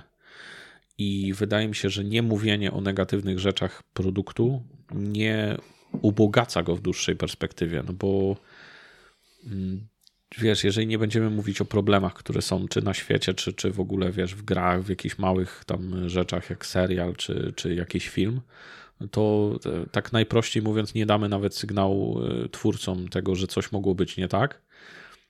Oczywiście domyślam się, że oni sobie zdają z tego sprawę, ale nawet okłamujemy siebie jako społeczność, czyli ludzi, którzy są zainteresowani tym samym co my okay. i powinniśmy trzymać ten sam front, to my właściwie się wkładamy na minę. Poza tym ty też mówiłeś siebie a propos, nawzajem. A propos, wracając trochę do tej Asoki, że ty jakby na tyle się wciągnąłeś po tym serialu, że zacząłeś dalej tam oglądać. E, tak, trochę znaczy ja uniwersum. nie wiem, trochę chyba wcześniej zacząłem oglądać i Asoka była którymś tam elementem, e, ale no wciąż nie skończyłem tej drogi jeszcze, ale ja tam z Gwiezdnych Wojen tego, co jest na e, Disneyu, chcę obejrzeć wszystko, co tam jest, nie? Mm, I po prostu mieć taki szerszy obrazek na to. No, Asokę akurat omawialiśmy bez obejrzenia rebeliantów. To jest jedyne, co nam mogło jeszcze wpłynąć na ocenę. Chociaż uważam, że mm, obejrzenie rebeliantów i oglądanie później Asoki może wpłynąć na ocenę danych postaci, ale nie zmieni tego, że one na przykład zostały konstrukcyjnie źle napisane. Serial nie? powinien, jakby on się powinien Bo... bronić jako sam, jako całość. Tak Bo uważam. to nie znaczy, że wiesz, my będziemy mieli inny odbiór tej postaci, ale ona konstrukcyjnie, na przykład jej wątki są źle zrobione pod względem technicznym i to się nie zmieni, nie? To jakby to, że obejrzymy jakieś inne dzieło, jakiś prequel, sequel, do tego, tego akurat nie zmieni, mhm. że można było to rozpisać lepiej. No to ja jestem z tego odcinka chyba najbardziej zadowolony. Spoko. Mimo, że on był w pewien sposób nacechowany negatywnie w niektórych miejscach, ale uważam, że krytyka konstruktywna najlepiej, ale to jest takie hasło, które już jest wyświechtane, jest ważna też. Najśmieszniejsze jest to, znaczy najśmieszniejsze, e, że e, jeden z komentarzy, który się pojawił, za który bardzo dziękujemy, nie mówił o tym, że my nie do końca dobrze bądź źle wypowiedzieliśmy się o Soce, tylko zaskoczyło, e, jakby odbiorca był zaskoczony, że dość pozytywnie wypowiadamy się o pierwszych, o tych nowej trylogii Gwiezdnych Wojen, czyli tam Phantom e, Menace Phantom i tak dalej. Menace, tak. To w ogóle jakiś, jakiś też kanał nam zostawił tak, chyba. Tak, ten, dzięki za to. Ja, ja, muszę też obejrzeć, bo oni też robią jakieś omówienia właśnie filmów i, chyba, i seriali. Tak, chyba trafiliśmy jakby w podobną, podobną tematykę i my powiedzieliśmy, że to, to jest dla nas ok, że nam się to podoba i jakby doceniamy. E, I tutaj chyba jest to, to, takie bardziej podejście, chyba popularniejsze nie? wśród fanów Star Warsów, że jednak ten kanon to te, te podstawowe części, a reszta... Czyli czwarta, piąta, szósta. No. To na pewno jest najbardziej, wiesz, klimatyczne filmy, ale no no mnie to, się po prostu Ale fajnie, nie, jakby fajnie, że inny, inny punkt widzenia. To, tak, to oczywiście. No sobie... i fajnie w ogóle, że jakiś komentarz jest pod filmem, to jest wiesz. Ale to, a wiesz, to znaczy, że Star, Star Warsy nie jakby budzą. Star, Star Warsy budzą, e, budzą emocje. Dobrze, fajnie. Tak, i o tym też będziemy mówić. Ten, ten komentarz pojawił się na YouTubie. No tak, Spotify to... jest utrudnione w ogóle komentowanie. Nie wiem, czy w ogóle się da, ale o YouTubie w ogóle jako gigancie, jakby właśnie no, no, tego, co robi, czyli że możemy tam wystawiać swoje treści w internecie, też będziemy mówić, bo to nas troszeczkę zaskoczyło. Dobra. Chyba, że chcesz teraz już o tym powiedzieć. Mm, znaczy, najpierw to chyba jeszcze mamy. Znaczy, nie, nie to, że to jest jakaś sztywna rozpiska, ale skoro jesteśmy w temacie, co nam się podobało, i chyba to zamknęliśmy. Czy ty nie no. powiedziałeś, który odcinek ci się najbardziej podobał? E, który mnie się najbardziej podobał no. z, z, tego drugiego sezonu. Mm, I może, kurczę, ciężko mi powiedzieć, czy najbardziej podobał jako odcinek. Albo jak ci się nagrywało, albo. To inaczej. Ja jestem najbardziej zadowolony z ostatniego. Czyli o Forbidden Landsach. O Forbidden Landsach. Ale jestem zadowolony dlatego, że to jest dla mnie trochę zwieńczenie pewnej drogi. I też cieszę się, że on jest ostatnim odcinkiem e, w tym, e, powiedzmy, w tym cyklu naszym nagrywań. Zwieńczenie drogi w takim sensie, że my przez pół roku mówiliśmy w teorii o pewnych rzeczach, co byśmy wzięli do RPGów, jak byśmy to zrobili, jakie narzędzia. I dla mnie Forbidden Landsy to jest dobra, to usiądźmy i to zróbmy mhm. i mogliśmy skonfrontować pewne rzeczy, o których mówiliśmy wcześniej, bądź wręcz na bieżąco zobaczyć nowe i realnie wykorzystać i zrobić je w RPG-u. I oczywiście, że nie wszystkie wyszły, to też nie, nie wszystkie narzędzia, o których mówiliśmy wszędzie idealnie usiadły, ale dla mnie to jest takie podsumowanie pewnej drogi, czyli po to założyliśmy ten kanał, żeby czerpać inspirację i naukę do RPGów i ostatni odcinek to było takie dobra, no to my to robimy w ten sposób i mogliśmy się podzielić. E, dla mnie ten ostatni odcinek był tyle fajny, że tam było znaczy dla mnie, bo może dlatego, że też uczestniczyłem, nie wiem jak się go słucha jak, jako osoby z zewnątrz, ale ja miałem takie poczucie, że super czuję się kompetentnie na tym polu RPGowym, nie tylko dlatego, że mam to poukładane w głowie od strony teoretycznej, ale jestem w stanie bronić tego poglądu, który gdzieś tam wygłaszam, dlatego że ja to zrobiłem przy stole i to wyszło bądź nie wyszło. Mhm. I ta opinia jest nie jest tylko. Taka po, poparta praktyką. Te, jest nie tylko przemyślana, Wreszcie. jest nie tylko poukładana, ale jest w jakiejś tam próbie. Jasne, że w bańce, ale w jakiejś tam próbie jest yy, weryfikowalna. Mhm. No I, to jest w ogóle ciekawy odcinek z tego powodu, że pewnie yy, chciał, nie chciał, ten kanał w ogóle ma wpływ na to, że zainteresowałem się Forbidden Landsami, a wcześniej Twilightem i w ogóle zacząłem Forbidden Landsy prowadzić. Pewnie jakiś to tam wpływ miało, nie? Ja też z tego mm, kanału trochę sam dla siebie uczę się prowadzić, no bo do tej pory wypowiadamy się raczej w kwestiach e, ty, w kwestiach mistrza gry, ja w kwestiach gracza, no bo takie role przeważnie nam przypadają i nagle udało się to odwrócić trochę i e, też mogę zacząć uczyć się tego prowadzenia. Nie? Tak, więc, więc to jest taki odcinek też jest dla nas ciekawy pod względem takiej mhm. historycznie dla nas on, ciekawy. On jest, nie? mówię, on jest dla mnie zwieńczeniem pewnej drogi i, i przy no, tym, taka klamra się robi. I przy tym stole jest dużo, dużo takich rzeczy, o których wcześniej mówiliśmy, które po prostu sprawdziliśmy i jakby mierzymy się już z praktyką. Dobra. No to Druga część. Czyli co nie do końca. Trzeba zrobić rachunek sumienia i trzeba sobie szczerze powiedzieć, z czego na tą chwilę nie jesteśmy zadowoleni i od czego zaczynamy. No dobra, to ja zacznę od Discorda chyba. Dobrze. E mamy taki, mieliśmy taki pomysł na Discorda, trochę żeśmy go nie przekazali w zasadzie. Mnie się wydaje, że to jest błąd komunikacyjny. Wydaje mi się, że będzie trzeba napisać jakiegoś fajnego posta na Facebooku, jak ten Discord według nas ma wyglądać. Albo po prostu posta. E, jeszcze raz? Albo po prostu posta, nie wiem, czy on będzie fajny. Znaczy, no w sensie myślałem, że powiesz, że niekoniecznie na Facebooku, ale tak mówię, kurczę, gdzie jeszcze jesteśmy? Na Discordzie, no. ale to chyba nie zadziała. No właśnie, w sensie będzie post, że nie będzie postów na Discordzie, nie? Dobra. Tak, y, ten Discord dla nas, y, póki jesteśmy tacy malutcy mm, i póki tych osób tam jest y, niewiele i one się będą pojawiać, no mam nadzieję będzie ich coraz więcej, no ale startujemy od zera, e, będzie dla nas e, takim miejscem spotkań też pogadania po prostu przez mikrofon. E, więc to nie jest taki Discord w rozumieniu. Tego nie powiedzieliśmy. To nie jest forum. To, to jest mniej dla nas forum, przynajmniej na razie, bo mówię, zakładam to, że jeżeli ta społeczność, jeżeli dajmy, daj Boże, będzie taka duża, no to tam forum jakby jest zasadne z tego powodu, że nie jesteś w stanie z tysiącami ludzi, powiedzmy, porozmawiać. Nie, nie wiem, czy ja wtedy bym. To będziemy dyskutować, ale nie wiem, czy wtedy nie robiłbym mimo wszystko pokoi, nawet żeby oni rozmawiali między sobą. Tak, albo ja bym się chciał na przykład spotykać na żywo raz na jakiś czas, albo ten, ale to mieszmy się z problemami, jak one się pojawią, ale póki co chcieliśmy, żeby ten Discord, z racji tego, że pojawiły się tam jedna, dwie osoby, i one wchodzą i wychodzą po prostu. Mnie się wydaje, że są zaskoczeni, że ten Discord, y, bo większość kanałów takich, y, ja nie ukrywam, że patrzę na inne kanały zajmujące się RPGami, ale nie tylko, czy tam właśnie budującymi pewne społeczności. Discord jest pewnym rodzajem wewnętrznego forum, forum tak, tak powiedział. U nas Discord właściwie chyba jest tam jakiś taki kanał y, no, do pisania. Są, ze trzy. E, I musimy tam wpisać jakiś regulamin. Regulamin będzie krótki, bo po prostu jak jesteśmy niemili, to was wywalamy, jak, jak nie, to no Nie bądź dupkiem zasadniczo, to jest podstawowy tak, regulamin. Tak, nie bądź dzbanem.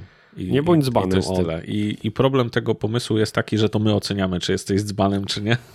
Będąc samemu, no, dobra. No, a pozostałe kanały to są właściwie kanały głosowe. Gdzieś tam jest kanał zamknięty dla nas, jak, jak będziemy mieli dość wszystkiego, ale w zasadzie no, siedzimy po prostu na otwartych dobra. kanałach, bo to jest tak. i tak kanał dla nas, bo nikt się tam nie pojawia. Dobra, to ja to podsumuję, żeby to też było jasne i to, co będzie w tym poście.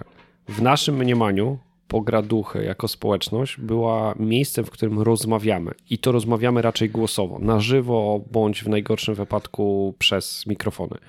Tak założyliśmy Discorda, mhm. dlatego tam są kanały głosowe, a właściwie nie ma albo są ograniczone kanały pisane. I zdaję sobie sprawę, i tak myślę, że to zaskakuje dużą ilość osób. Oni wchodzą, patrzą, że ktoś tam siedzi, ale nic nie mówi przeważnie, bo my czasem tam siedzimy, na przykład cały dzień tam siedzę. Tak, bo my na tym Discordzie w ja ogóle z naszą odpalam ekipą... komputer i odpalam Discorda i tam wchodzę. Tak, siedzimy, no toper. Ja czasami wracam samochodem dwie godziny i odpalam e, Discorda, też na niego wchodzę, żeby pogadać ze znajomymi. I zapraszamy do tego kanału, to znaczy zapraszamy was do tego, żeby usiąść i być, e, pogadać z nami po prostu, e, podyskutować o czym chcecie, o tym, co było na kanale albo co was gryzie, ale tam nie znajdziecie po prostu forum. I my żeśmy to źle skomunikowali, to, to no, się w zgodzę. W sensie w ogóle. Tego nie skomunikowaliśmy. Bo znowu w naszej bańce, w naszej głowie to było oczywiste, bo my, na te, bo my ten kanał bo my mamy tak od zawsze dawna. Discorda wykorzystywaliśmy tak. w zasadzie. Do Discord dla nas jest TeamSpeakiem mhm. w naszym rozumieniu. Teraz zaczynam trochę z niego korzystać przy okazji obserwacji innych gier komputerowych, które jeszcze nie wyszły. Takiej obserwacji no na się stały forum. Tak. tak. Jest to forum, no. no. Jest to forum. E, ale dla nas jest to wciąż miejsce do porozmawiania po prostu. Dobra. Jest to przedłużenie, nie wiem, Skype'a, TeamSpeak'a, hmm. Ventrilo, nie wiem, co my tam jeszcze używaliśmy. Znaczy ja to jestem dinozaurem jeszcze Irca pamiętam. No ale to czat taki był pisany. Nie? Jest, to było stare. Dobra, co jeszcze? Z czego jeszcze nie jesteśmy zadowoleni? Chyba z największej rzeczy. Ruszmy ten temat. No dobra. Social media. A właściwie Discord nie tyle. też jest jakby social Właściwie mediami. nie tyle, tyle, że... Znaczy to jest połączone. Chodzi o zasięgi. No raczej ich brak. No nie ma nas. Znaczy to, żeby znowu Państwu przedstawić jakieś statystyki, bo to też o tym będziemy mówili. Ja się powołam na, e, na YouTube'a. Dobra, to ty szukaj, ja zrobię chwilę wstępu. Tu Dobra. i dżingiel. Tu, tu, tu, tu, tu. Dobra. Mm, nie jesteśmy dobry w social media. To, to już mówiliśmy o tym kilkukrotnie. I chyba nie jesteśmy dobrzy do tego poziomu, że yy, są trzy rzeczy. Po pierwsze, nie jesteśmy dobrzy. Po drugie, nie rozumiemy tego. I po trzecie, nas to nie bawi. Tak, bo my nie bawi nas wiemy, jak tego. być lepszymi mhm. i wciąż nie możemy się zmusić, żeby się zacząć uczyć po prostu. Y, I totalnie bierzemy to na siebie. To nie jest na takiej zasadzie, że y, oczekujemy, że to się stanie, albo mamy pretensje do całego świata, że, że to nie działa. My wiemy, że to nie działa, bo my nie wkładamy tam odpowiedniej ilości pracy, wiedzy, talentu. Części z tych rzeczy nie chcemy wkładać, części po prostu nie mamy.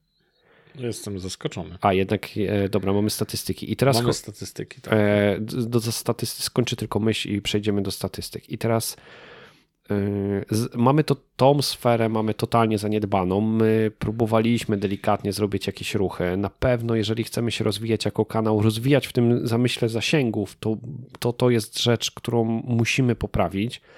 E, musimy znaleźć rozwiązanie tego, że w tym momencie nam to nie działa i ta wina jest e, zupełnie, zupełnie po naszej stronie. My mieliśmy pewne wizje, jak byśmy to chcieli trochę inaczej niż wszyscy zrobić. Okazało się, że rzeczywistość zweryfikowała, że, że to, to totalnie nie działa e, w takiej przynajmniej delikatnej skali, skali jakbyśmy chcieli. Dlatego, że my w którymś momencie, patrząc na te statystyki, stwierdziliśmy, że my, to nie jest tak, że mamy małe przyrosty, tylko my w ogóle ich nie mieliśmy. I jakby. Tak E, i jakby to nas uderzyło. No i teraz statystyki, bo jestem ciekaw, czy one potwierdzają nasze założenia. No moim zdaniem nie wszystko, Dobra. ale też wydaje mi się, że mam pierwszy pomysł, dlaczego takie są. Okay. E, wyda wydawało mi się, że największym jakby sukcesem będzie no Tunik, bo jest najdłużej na na rynku. A to nie, to ja obstawiałem, że to będzie albo Diablo, albo Star Warsy, że to będzie te, albo Baldur, to będą te okay. trzech. I Tunik ma 24 wyświetlenia. Mm, nie? Okay. I, to, I to mniej więcej, słuchajcie, to będą takie cyfry, w których się obracamy. E, I to o to mówimy, że to po prostu są wyświetlenia, które są nabite przez nas, przez naszych znajomych. Mo, może ktoś przypadkiem na to trafił, mam nadzieję, że ktoś nowy na to trafił, ale też nie ma żadnego E, my też nie prosimy jakoś w filmie o komentarze, w sensie mhm. nie, jest, nie jesteśmy i chyba nie będziemy tacy, że tam nie. zostawcie suba, lajka, ten, może to by nam coś pomogło. To znaczy, ale... wiesz, nawet może ktoś trafił, bo lubi Tunika, a później usłyszał o RPGach, o których nie wie i stwierdził, że ten kanał nie jest dla możliwe, niego. Możliwe, możliwe. No i teraz tak, 24 wyświetlenia na Tuniku. No i tak jak ja bym się spodziewał, czyli dalej to spada, tak? Nie. Czyli tak, Chain Echos to jest 17, Last of Us 13, tam Your Name 18, to jest wszystko w tych samych kategoriach. No ale teraz, o, jestem zaskoczony, bo na przykład z tego e, sezonu Theater Equation, który mi się wydawał bardzo niszowym produktem, ma też tyle samo co Tunik, czyli 24 wyświetlenia. No ale to jeszcze jest malutko. Diablo 4 to jest 27 wyświetleń. No i tutaj, no co, powtórzyliśmy nasz spektakularny sukces z Tunika i z Theater Equation, czyli to jest 20 parę wyświetleń. Eee, O emeryturze Extras to jest 5 wyświetleń. To jest w ogóle e, z tego co kojarzę, nawet na sztata chyba nie oglądał A tego. to jest dobry odcinek, jest, obejrzyjcie. Wydaje mi się, że to jest dobry odcinek. No, nam, Słuchajcie. nam tam dużo na sercu e, leżało, więc to powiedzieliśmy. Matrix, który mi się bardzo dobrze nagrywał, bardzo dobrze mi się oglądało ten film, to jest 19 wyświetleń. Extras z Toporiady e, to jest 8 wyświetleń. E, Więc mimo tam zbudowania jakichś takich e, siatki zasięgów, bo na przykład tam oznaczaliśmy przy okazji tego ekstrasu, zrobiliśmy post, gdzie Też, oznaczyliśmy też nie, topory to też nie było dobrze zrobione. e, i tak dalej, to nie przełożyło się to zupełnie na wyświetlenia. Podsumowanie sezonu, które robiliśmy po sezonie zerowym i pierwszym ma trzy wyświetlenia, czyli jest dla nas typowo. Nikt tego nie inny nie oglądał. Mówimy tylko o statystykach YouTube'owych. One Piece, e, drugi odcinek One Piece'a, czyli o RPG-ach, ma 31 wyświetleń. Póki co największy Bo sukces to do tego jest momentu. pierwszy raz chyba, kiedy w miarę strzeliliśmy się w coś na bieżąco. Mm, Tak. No, chociaż nie Może tak stricte. Wydaje mi się, że akurat y, One Piece bijemy się w pierś, bo jeżeli mieliśmy pomysł nagrania tego, to można było spróbować i my myślę, że spróbujemy teraz w tym następnym sezonie jeszcze tak na tyle na bieżąco, na ile możemy to zrobić, to Mhm. to zrobimy. Bo One Piece właśnie wydaje mi się, że tu był tego sukces, że w miarę na bieżąco. Tam Mhm. fala internetu była o One Piece dosyć duża. No, ale to znowu bierze, my się w robisz, się, końcówkę robisz, tej się, fali jeszcze robisz się zakładnikiem. Ale to wiesz, nie chodzi o to, żeby to powtarzać, tylko żeby sprawdzić to, bo chciałbym to wiedzieć nawet dla siebie, nie? Goblin Slayer to jest 22-18 wyświetleń. Zaczynamy się obracać w tych kategoriach e, Zeldy z Liskiem, czyli Tunika. Już te 20 wyświetleń przeważnie e, w tych normalnych odcinkach mamy, co jest też dla mnie super. Baldur to jest 31 wyświetleń. Pierwsza część Baldura. Mhm. Druga część o RPG-ach to są 4 wyświetlenia. Ja nie wiem, czy tam czasowo ja nie, nie dałem ciała z wrzuceniem dość późno tego.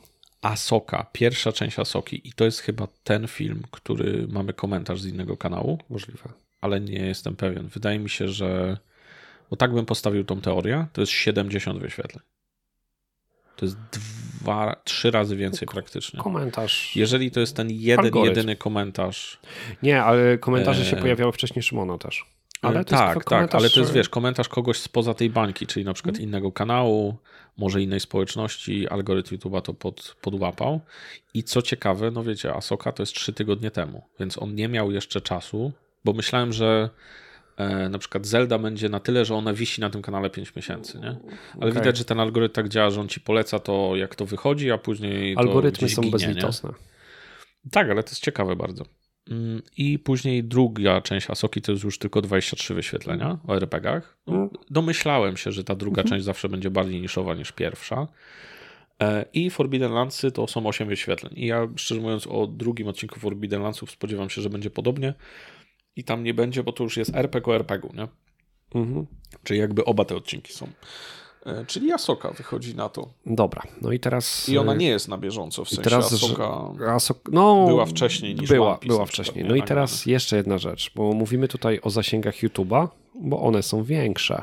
Tak, my właściwie zrepetowaliśmy, zbombardowaliśmy pomysł YouTube'a jak tylko mogliśmy, czyli odcinki wychodziły tam nieregularnie w porównaniu do Spotify'a e, i cały format, który wymyśliliśmy, czyli podcastu, miał współgrać ze Spotify'em. Dbamy o dźwięk, nie mamy wideo, mamy, mamy tam tak naprawdę tylko miniaturki, które są po prostu grafikami.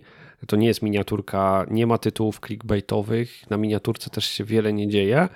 No, zasad, tak jak mówisz, zrepetowaliśmy ten pomysł na wszystkich możliwych polach, bo, bo jakby uważaliśmy, że to jest nasza druga platforma. A ona i tak działa lepiej niż I Spotify. w YouTube sensie. jest absolutnym monopolistą.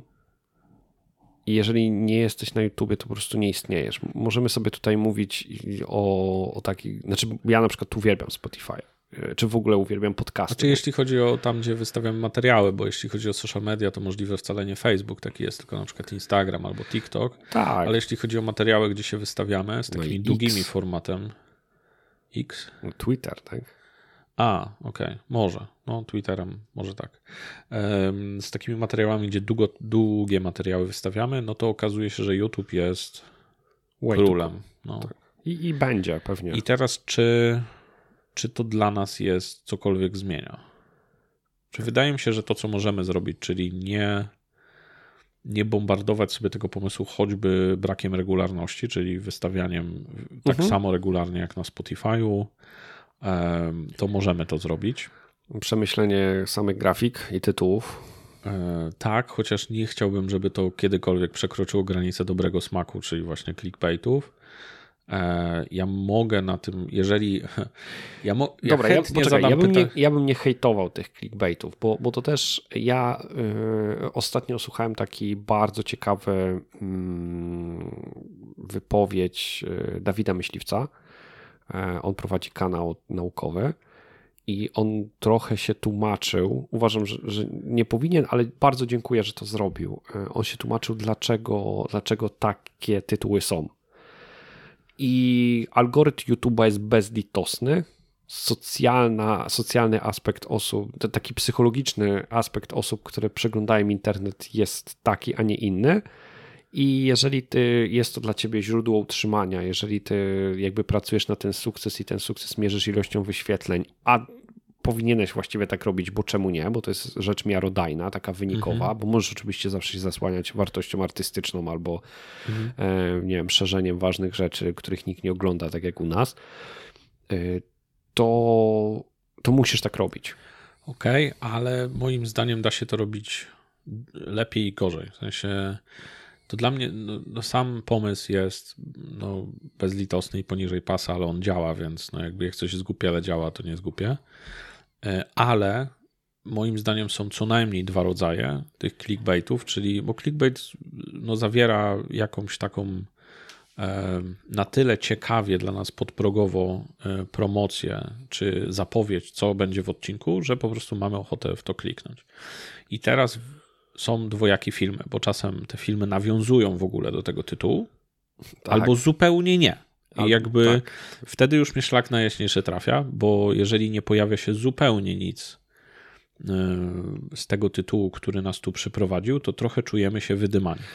No tak. E, więc jeżeli wpadniemy na jakiś ciekawy pomysł, żeby zawrzeć w tytule, to tak, żeby było ciekawie, ale jednak nawiążemy do tego jakby w odcinku i faktycznie on będzie budowany pod tym względem, to dla mnie jest ok. Ale jeżeli to ma się zupełnie mijać z prawdą, to nie, to no bueno. Okej, okay. no dobra, więc zasięgi to jest nasza pięta Hillesowa. My widzimy dużo błędów, jakie popełniamy, bo na niektórych social media nas nie ma, na niektórych nie jesteśmy pewnie tak często, jak powinniśmy być.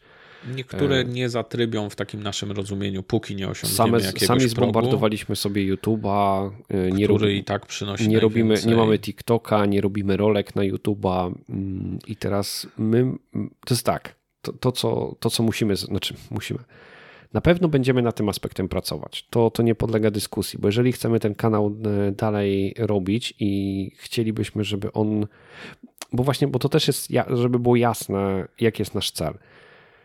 My domyślamy się, przyjmujemy taką opcję i nie boli nas to aż tak bardzo, że nie będziemy na tym kanale, kanale zarabiać.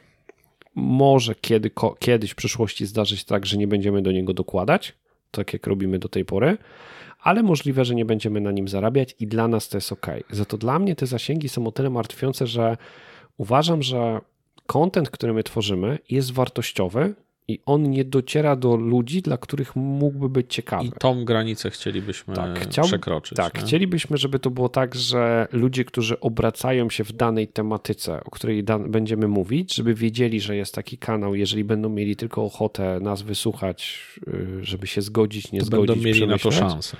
To po prostu będą wiedzieć, e, a nie będą zaskoczeni.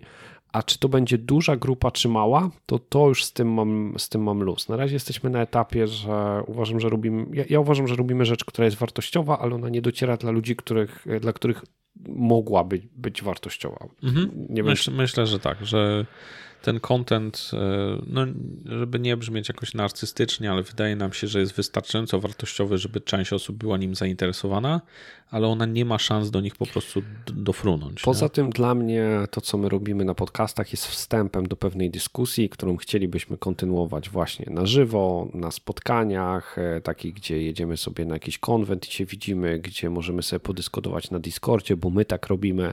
Bardzo często u nas odcinek jest wstępem później do dyskusji z naszymi znajomymi i do takich dyskusji ogólnie też, e, też zapraszamy. Stąd my żeśmy źle chyba z tym Discordem, tak jak wcześniej mówiłeś, zakomunikowali i, i będziemy to poprawiać. Na pewno będzie się działo to wolno, to, to, to musi być jasne, bo na tą chwilę nie mamy jasnego, jednoznacznego planu. Pewnie będzie to za pomocą prób i błędów pewnych. Mhm. Na bank, bo no musimy gdzieś to przetestować, a jedynie I będziemy to testować to na żywym organizmie, bo żaden z nas nie jest, yy, nasz, nasz zawodowa aspekt totalnie się z tym nie wiąże. I, i to jakby... I, no tak, i to, i to też powoduje, że no my nie zmienimy o 100% jakby swojego też e, zawodowego podejścia, w sensie, że nagle nie stanę się influencerem z elektryka czy z informatyka jakiegoś, tak, z serwisu e, i nagle nie zacznę się zajmować, wiesz, nie zacznę wkładać 100% swojej energii tylko w to, żeby zająć się social mediami i tak dalej, no tak. bo niektóre rzeczy mnie nie interesują, niektóre rzeczy po prostu muszę się od zera nauczyć Mhm. E, I ja tą pracę wkładam i będę ją wkładał, ale no nie, nie wszystko będę w stanie robić tak na takim poziomie kompetencji. Jasne. E, jak ktoś, kto zajmuje się gdzieś tam zawodowo, na przykład tym, nie? Tak samo Albo jak... się po prostu tym interesuje, nie? W sensie tam jara, tak, bo, bo się jaramy Tak, bo czasem rzeczami. to jest dużo bardziej wartościowe niż po prostu znanie się na tym. Jeżeli ktoś się na tym interesuje w ogóle tym i lubi to robić, to, to jest 100 razy lepiej. Jeśli chodzi o odcinki i taką interakcję społeczności, bo wydaje mi się, że tutaj, tak jak powiedzieliśmy, e, ten największym sukcesem tego kanału był odcinek, gdzie po prostu pojawiły się jakieś komentarze z zewnątrz i wiemy, że to są ludzie niezwiązani z nami, no przynajmniej no nie fajnie. mam takiego pomysłu i, i super. E, no to ja wyobrażam sobie, że jeżeli będę miał na odcinku jakieś pytanie, tak jak, tak jak tutaj, że jeżeli macie jakiekolwiek pomysły, jak to usprawniać, to, to oczywiście piszcie, to, e, to mogę to robić, tak? To chciałbym zadawać te pytania społeczności, uzyskiwać odpowiedzi. Jeśli chodzi o takie mm, e, po prostu proszenie o to, żeby ten kanał był, nie wiem, subskrybowany, E, lajkowany albo e, jakby wyłudzany jakoś komentarze, to, to raczej to nie leży w naszej naturze i wątpię, żeby się to pojawiło. Ja widzę to jako opcję, y, jeżeli masz znajomego, dla którego to mogłoby być ciekawe, to mu to po prostu podeślij. A jak nie, to nie bo nie zaśmiecaj mu. Tak, a jak nie, to po prostu jakby tak, dajcie, dajcie sobie spokój, nie? Dokładnie, to bardziej w tą, ja, ja też myślę bardziej w tą stronę, nie? że E, po prostu taki dawanie informacji komu, kto, gdzie, żeby to w tym gronie, które jest zainteresowane. E, wiesz co, ja teraz sprawdzam, bo interesuje mhm. mnie jedna rzecz, bo sobie tak e, pomyślałem odnośnie tego, co mówiłeś, tej teorii skąd to 70 wyświetleń. Dobra, to ja zajmę się czymś dalej. Nie, nie, to ja, poczekaj, bo ja chciałem bo już... obalić tą teorię. W E, komentarz, który dostaliśmy no. E, od e, kanału grupy Star Trek.pl jest w tym wasocale z tym mniejszym ilością wyświetleń. Aha, okay. No to widzicie. Potknąłem się. Ten drugi komentarz... Czy, ale no to w tej pierwszym odcinku, który ma najwięcej wyświetleń, cokolwiek się pojawiło, czy on po prostu zrobił takie wyświetlenia, bo zrobił? Zrobił takiego? Nie, nie ma komentarza. Okay. E, komentarz odnośnie, ja chyba też pomyliłem, bo Star Trek faktycznie mówiło odnośnie analizy Sabiny, a ten komentarz e, Gwiezdnych Wojen, nie wiem czy na YouTubie, czy na tym, na Facebooku nie jest. Możliwe. Dobra, ale to już jakby nie wchodząc, bo to są na tyle mało, małe liczby. Czy jest jeszcze coś, co tak, to może bijemy... być wystarczająca próba, żeby wiesz, zrobić co, taką Dobra, czy jest ogóle, jeszcze no? coś, co bijemy się w pierś, albo no chcemy poprawić, co, z czego nie jesteśmy zadowoleni. Ja się najbardziej kanału. biję w pierś z tym, że nie potrafię budować społeczności. Hmm, chciałbym, żeby ona się zwiększała, no bo tak jak powiedzieliśmy, obydwoje dążymy do tego, żeby te treści trafiały do ludzi, którzy mogliby być mhm. nimi zainteresowani, tak? I nie potrafimy tego robić. Nie ma co tu ukrywać. I to, nie wy, i to I... wynika w ogóle chyba z naszych charakterów, tak mi się wydaje, z naszego mhm. sposobu bycia i charakteru, bo to nie jest tak, że my nie potrafimy robić y, społeczności w internecie, My jesteśmy znaczy też? No też. My jesteśmy osobami socjalnymi, ale w małym gronie. Tak. E, I, I co więcej, to jest o tyle, o tyle mogę od razu uderzyć się w pierś, że my nie będziemy tego robić jakby w takim w takim rozumieniu, że ja nie, nie jestem w stanie i raczej tego nie zrobię, żeby włożyć tu nie wiadomo ile pracy i nauczyć się to robić e, i to robić. Znaczy, ja, ja, będę studiował to zjawisko, jak wpadnę na jakiś pomysł, który jest zgodny jakby z moim rozumieniem, to, to pewnie, to będę to robił ale nie stanę się jakby żigolakiem e, social mediów. No nie, wysko- i... nie będziesz wyskakiwał z lodówki. Tak, nie, wy- nie wyskoczy nikomu z lodówki, bo po prostu mm, nawet jeżeli wpadłbym na taki pomysł i bym stwierdził, kurczę, ale to jest jakoś za bardzo inwazyjne jak dla mnie, to pewnie odrzucę ten pomysł na e, zanim go jeszcze zrobię, więc... E, bo, bo, właśnie, bo to może też źle wybrzmiało, bo to też nie jest do końca tak, że my super nie wiemy, tylko są pewne rzeczy, które wiemy, że działają i my je po prostu świadomie mm, mówimy, że tak nie chcemy, ale jednocześnie do tej pory, i to jest już nasz błąd, nie wymyśliliśmy jakby alternatywy, która będzie chociaż w miarę tak, skuteczna. Tak. Właśnie, bo to też nie, Będziemy nie jest... szukać najprawdopodobniej jakiejś pomocy jakby w tym zakresie, y, choćby porozmawiania i podania nam y, takich mhm. pomysłów, jakby wymiany nawet informacji i pomysłów z ludźmi, którzy może znają się na tym lepiej. My nie do końca mamy na tyle zasięgi też znajomych, żeby jakby znać bardzo dużo osób, które mogłyby się znać na tym lepiej, ale będziemy tego szukać. Jeżeli, jeżeli takie osoby znajdziemy, jeżeli taką pomoc uda nam się znaleźć, to będziemy e, po prostu dojść mhm. tej osobie i będziemy korzystać z tej pomocy. E, czy pomocy wymiany pomysłów, czy pomocy tak, współpracy tak, tylko, jakiejś tylko to też znowu osoby, które są zgodne z pewnym naszym przemyśleniem. Tak, no bo właśnie o tym chciałem powiedzieć, że nawet jeżeli doszłoby do jakiejś współpracy, na zasadzie znaleźlibyśmy taką osobę, która chciałaby nam pomóc z tymi zarządzaniem social mediami, no to współczuję takiej osobie, bo my będziemy większość tych pomysłów pewnie repetować bo jeżeli one będą inwazyjne dla was, słuchaczy, to najprawdopodobniej nie ujrzą światła dziennego. Znaczy, znaczy, ja bym powiedział nawet dalej, ktokolwiek będzie z nami współpracował, znając nasze charaktery, my jesteśmy mistrzami repetowania pomysłów. Jesteśmy, ja jestem w pracy zawodowo taką osobą. E, wszyscy się śmieją, że jestem czarnowidzem. E, ja jestem mistrzem szukania jakby najgorszego scenariusza i przygotowywania się na niego i, i trochę tutaj tak jest. No to też jest powód, dla którego ten podcast w naszej głowie pod, powstawał kilka lat i jak się okazało, że dobra nagrywamy, to już nazwa jest zajęta, nie? A, tak, ale z drugiej strony to jest podcast, który powstaje od 6 miesięcy, czy tam 5 i mm, myślałem, że to będą lepsze wyniki, ale nie jestem zdruzgotany tym, że nie są, bo byliśmy, byliśmy przygotowani. przygotowani to, oczywiście, nie? Tak, to, to nie jest tak, że spodziewaliśmy się spektakularnego sukcesu i milionów na koncie, eurogąbek. po prostu byliśmy przygotowani na to, że to y, byliśmy przygotowani też na taką ewentualność, że będzie, będą jeszcze mniejsze wyświetlenia niż teraz są. Ja, ja, ja domykając trochę ten temat, okay. słuchajcie, to będzie złoty odcinek, jeżeli kiedykolwiek osiągniemy sukces. Jeżeli na przykład się okaże, że za, nie wiem, 3-4 lata będziemy mieli dużą ilość wyświetleń, nie wiem ile to jest dużo, znaczy YouTube to pewnie tam są tysiące i tak dalej, no ale dobra, załóżmy, od, odepnijmy wrotki, załóżmy taki scenariusz, to wrócenie do tego odcinka i powiedzenie, że kiedyś mieliśmy tam po 23, to będzie w ogóle złoto, nie? Albo no, za 3 lata będziemy mieli 80, nie? I będziemy się tego Albo jarać. Albo 200 okay. i to będzie, wiesz, no super. Dobra. Dobra.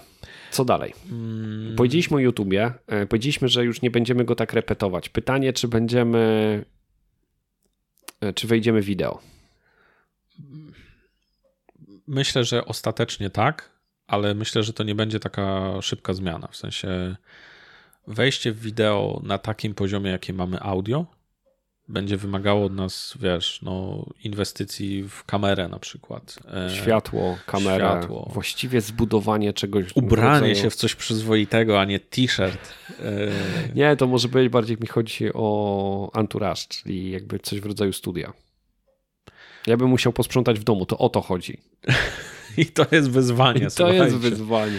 E, znaczy, no tak, i żebyśmy byli z tego zadowoleni, żeby to nie było wideo takie, które jest mega rozpikselowane i właściwie jest takie ziarno, że tego się nie da oglądać no to będzie wymagało od nas inwestycji i czasu, i przemyślenia, i też pieniędzy.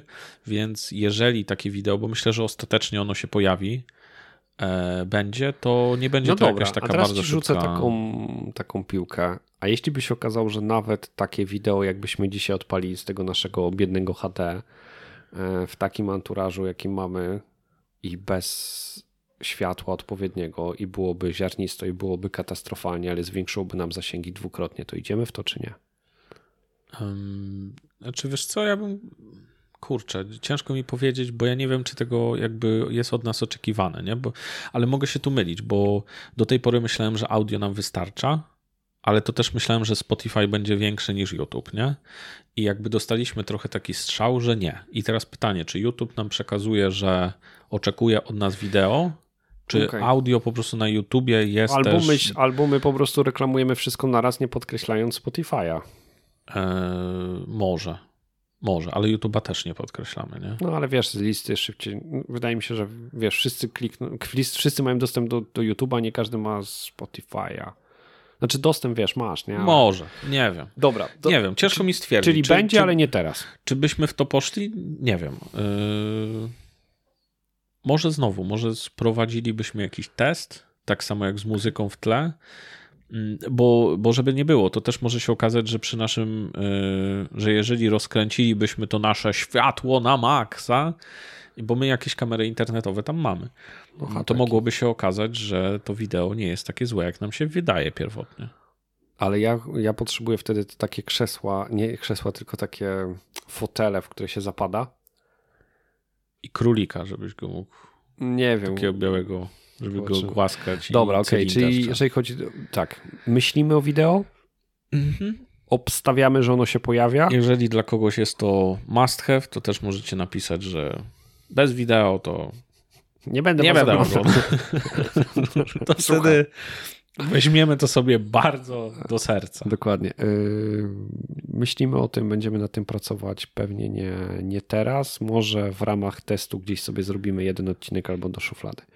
No dobra, co z słuchowiskiem? Bo ja sobie sprawdzałem na ostatnim naszym podsumowaniu i wtedy taki padł pomysł, że też e, słuchowisko e, no może będzie. Mm, no i znowu, może będzie. Wydaje mi się, że słuchowisko już wiąże, bo my przez słuchowisko rozumiemy przeważnie chyba nasze nagrywane sesje, tak? E, tak, o, to, o, o tym Trochę myślimy. wtedy w tym kierunku żeśmy myśleli. Wydaje, no jeżeli będzie, to, to już będzie ten moment, kiedy będziemy mieli nie dwa, a cztery mikrofony. E, minimum. Minimum.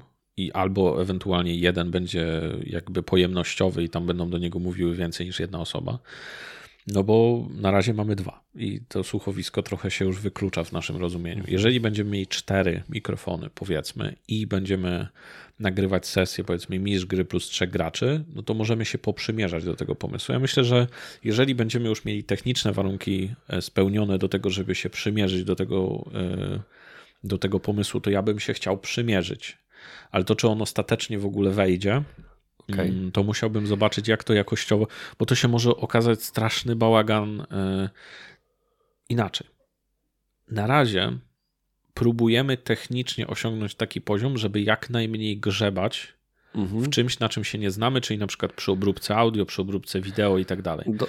I wkładanie Dobra. następnych rzeczy do tego kotła, czyli na przykład wideo albo słuchowisko, gdzie masz na przykład cztery ścieżki dźwiękowe, pięć ścieżek dźwiękowych, nie wiem, jakąś muzykę, coś tam tak, może nam rozwalić to na takim poziomie, że my nie jesteśmy kompetentni na tyle, żeby w ogóle z tego złożyć dobry materiał. Skąd bierzemy takie przekonanie? Bo nam się zdarzyło nagrywać sesję, zarówno od, pod kątem wideo, jak i audio.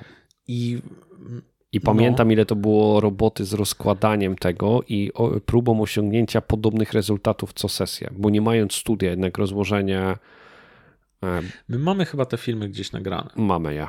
Możemy się umówić, że my je możemy wrzucić e, i na przykład, nie wiem, jeżeli w ramach feedbacku jakby mm, ktoś... Dopóki nie będziemy mieli zgody wszystkich graczy, to... No zobaczymy. tak, albo no może nie wrzucić tak do internetu, tylko ktoś by chciał na przykład e, no, sprawdzić to Dopóki z feedbackujących nie będziemy mieli ludzi. zgody wszystkich graczy. To... Wciąż, ale łatwiej będzie uzyskać, no wiesz, nie wrzucać tego do internetu, tylko na przykład komuś e, pokazać coś takiego. To to mógłbym taki film wtedy Żeśmy... kombinować. Bo tych wszystkich graczy to nie jest, to nie jest jakieś grono, z których do tej pory się nie widzimy, no bo to jest... E, bo my żeśmy DDK nagrywali, nie? DDK nagrywaliśmy e... Fandelwera? Nie. Nie Fandelwera. My nagrywaliśmy jedną sesję z, z Markiem Busiakiem mm, i ona chyba jest nagrana. Tam jego żona może się nie zgodzić.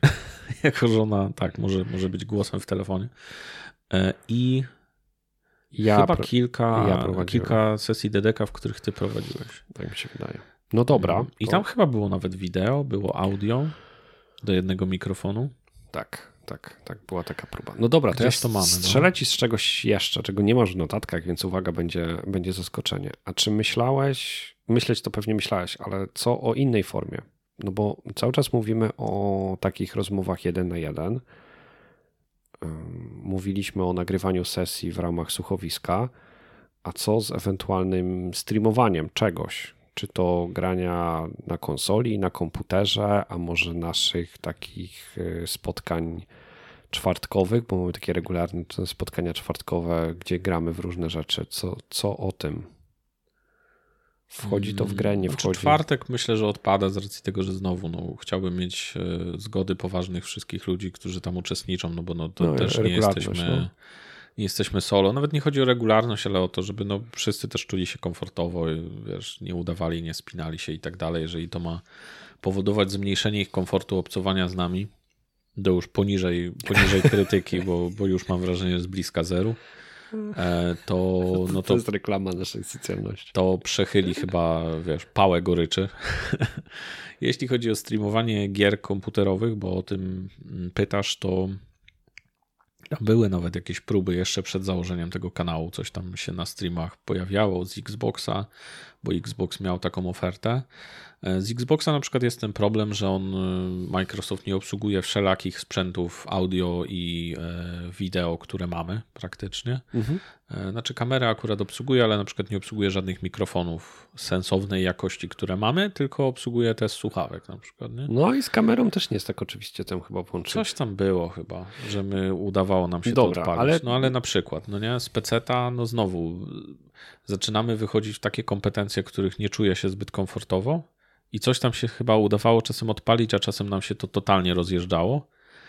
Nie wiem, no znowu, jeżeli mam włożyć bardzo dużo pracy do tego, żeby jakby było to dla mnie, e, no to nie wiem, czy jest sens się na tym skupić. Okej, ale, nie? ale mówimy, nie odżygnujemy się z tym jakby tak. nie, tylko ja się Mówimy obawiam... zdecydowane i stanowcze, Raczej nie. raczej nie. Nie, nawet, nawet, nawet bym powiedział, że nie mówię raczej nie, tylko ja rozumiem, że są pewne dwa etapy w budowaniu tego kanału, bo z jednej strony ja muszę budować pewien content, żeby w ogóle zachęcić ludzi do tego, ale z drugiej strony muszę też zastanowić się, czy jest sens na przykład ładować się w streamy dla zero, z- zerowej Mhm. to jest- publiczności. To nie? jest dla mnie jasne. Bo jeżeli ludzie by tego oczekiwali na przykład, no to chętnie, tylko Bo ciężko tak gramy. uzyskać, Po- bo my i tak gramy, to jakby mówię. włożenie w pracy, żeby to przy okazji streamować, to, to żeby nie było, to jest dużo pracy, ale no i tak siedzimy przy tym komputerze i gramy, więc no powiedzmy, że moglibyśmy to robić.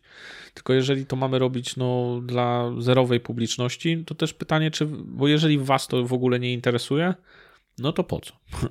No tak, bo my, no właśnie, bo jeżeli to jest tak, że będziemy streamować i będą to oglądać i będą z nami rozmawiać tylko ludzie, y, najbliższe grono znajomych, to, To oni już z nami grają i już z nami rozmawiają, bo siedzą, siedzą na, di, na Discordzie. E, Chociaż zdarzyło mi się tak, że przechodziłem jakby pewną grę i tak, żeby można było sobie ją zobaczyć, obejrzeć, tak na zasadzie trochę e, filmu. E, Na konsoli jest to łatwiej, komputer też wymaga jakby pewnego, pewnej jakości No komputera. ale to się, to się da zrobić, tylko... Tak, no jest dużo pracy. Dobra, mówię, czyli no mówimy, prostu- zobaczymy, tak? No zobaczymy, czy po prostu ktoś będzie tego oczekiwał od nas, czy, czy Mnie to, chcemy w tą ja ci powiem, że pójść. mnie to chodzi po głowie, ale trochę, trochę jeszcze Mnie innej bardziej formie. chodzi po głowie ten drugi pomysł, który miałem, czyli że materiały na na przykład na YouTubie to nie będą tylko zapisy tak naprawdę z naszego podcastu. No bo zaczęliśmy z takim mocnym przeświadczeniem, że to będzie podcast. Mhm.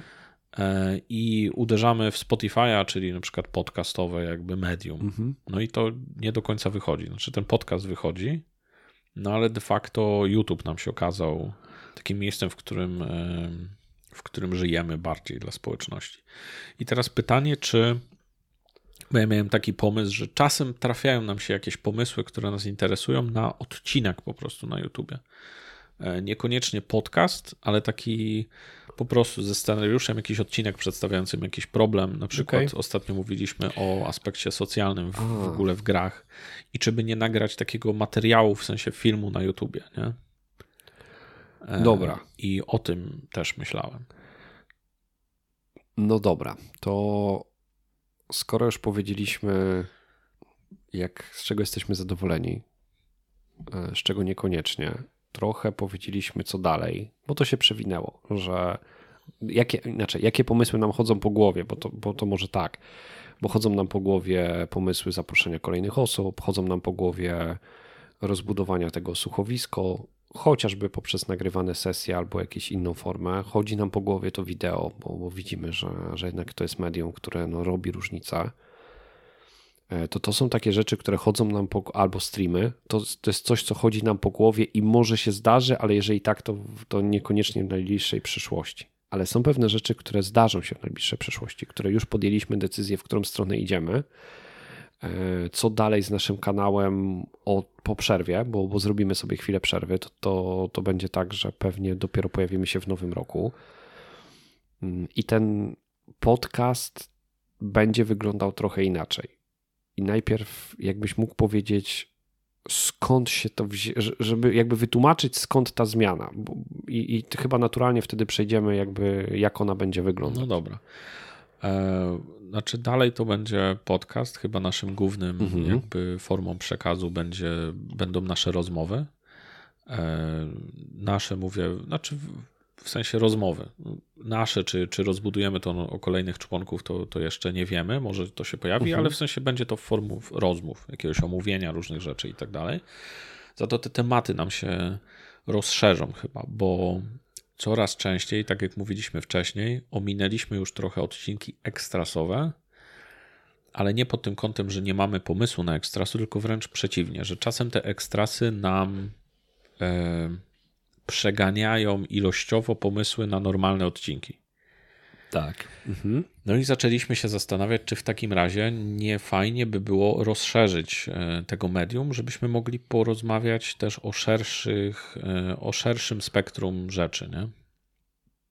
Okej. Okay. Mm, bo zajmujemy się RPGami i to się nie zmieni ale zaczęliśmy zauważyć, że nie tylko to nas definiuje. W sensie nie jesteśmy tak jednowymiarowi e, i nie jesteśmy takimi głębokimi specjalistami od RPGów, żeby e, nie wiem, grać 200 sesji w roku e, i mm, zajmować się tylko i wyłącznie tym.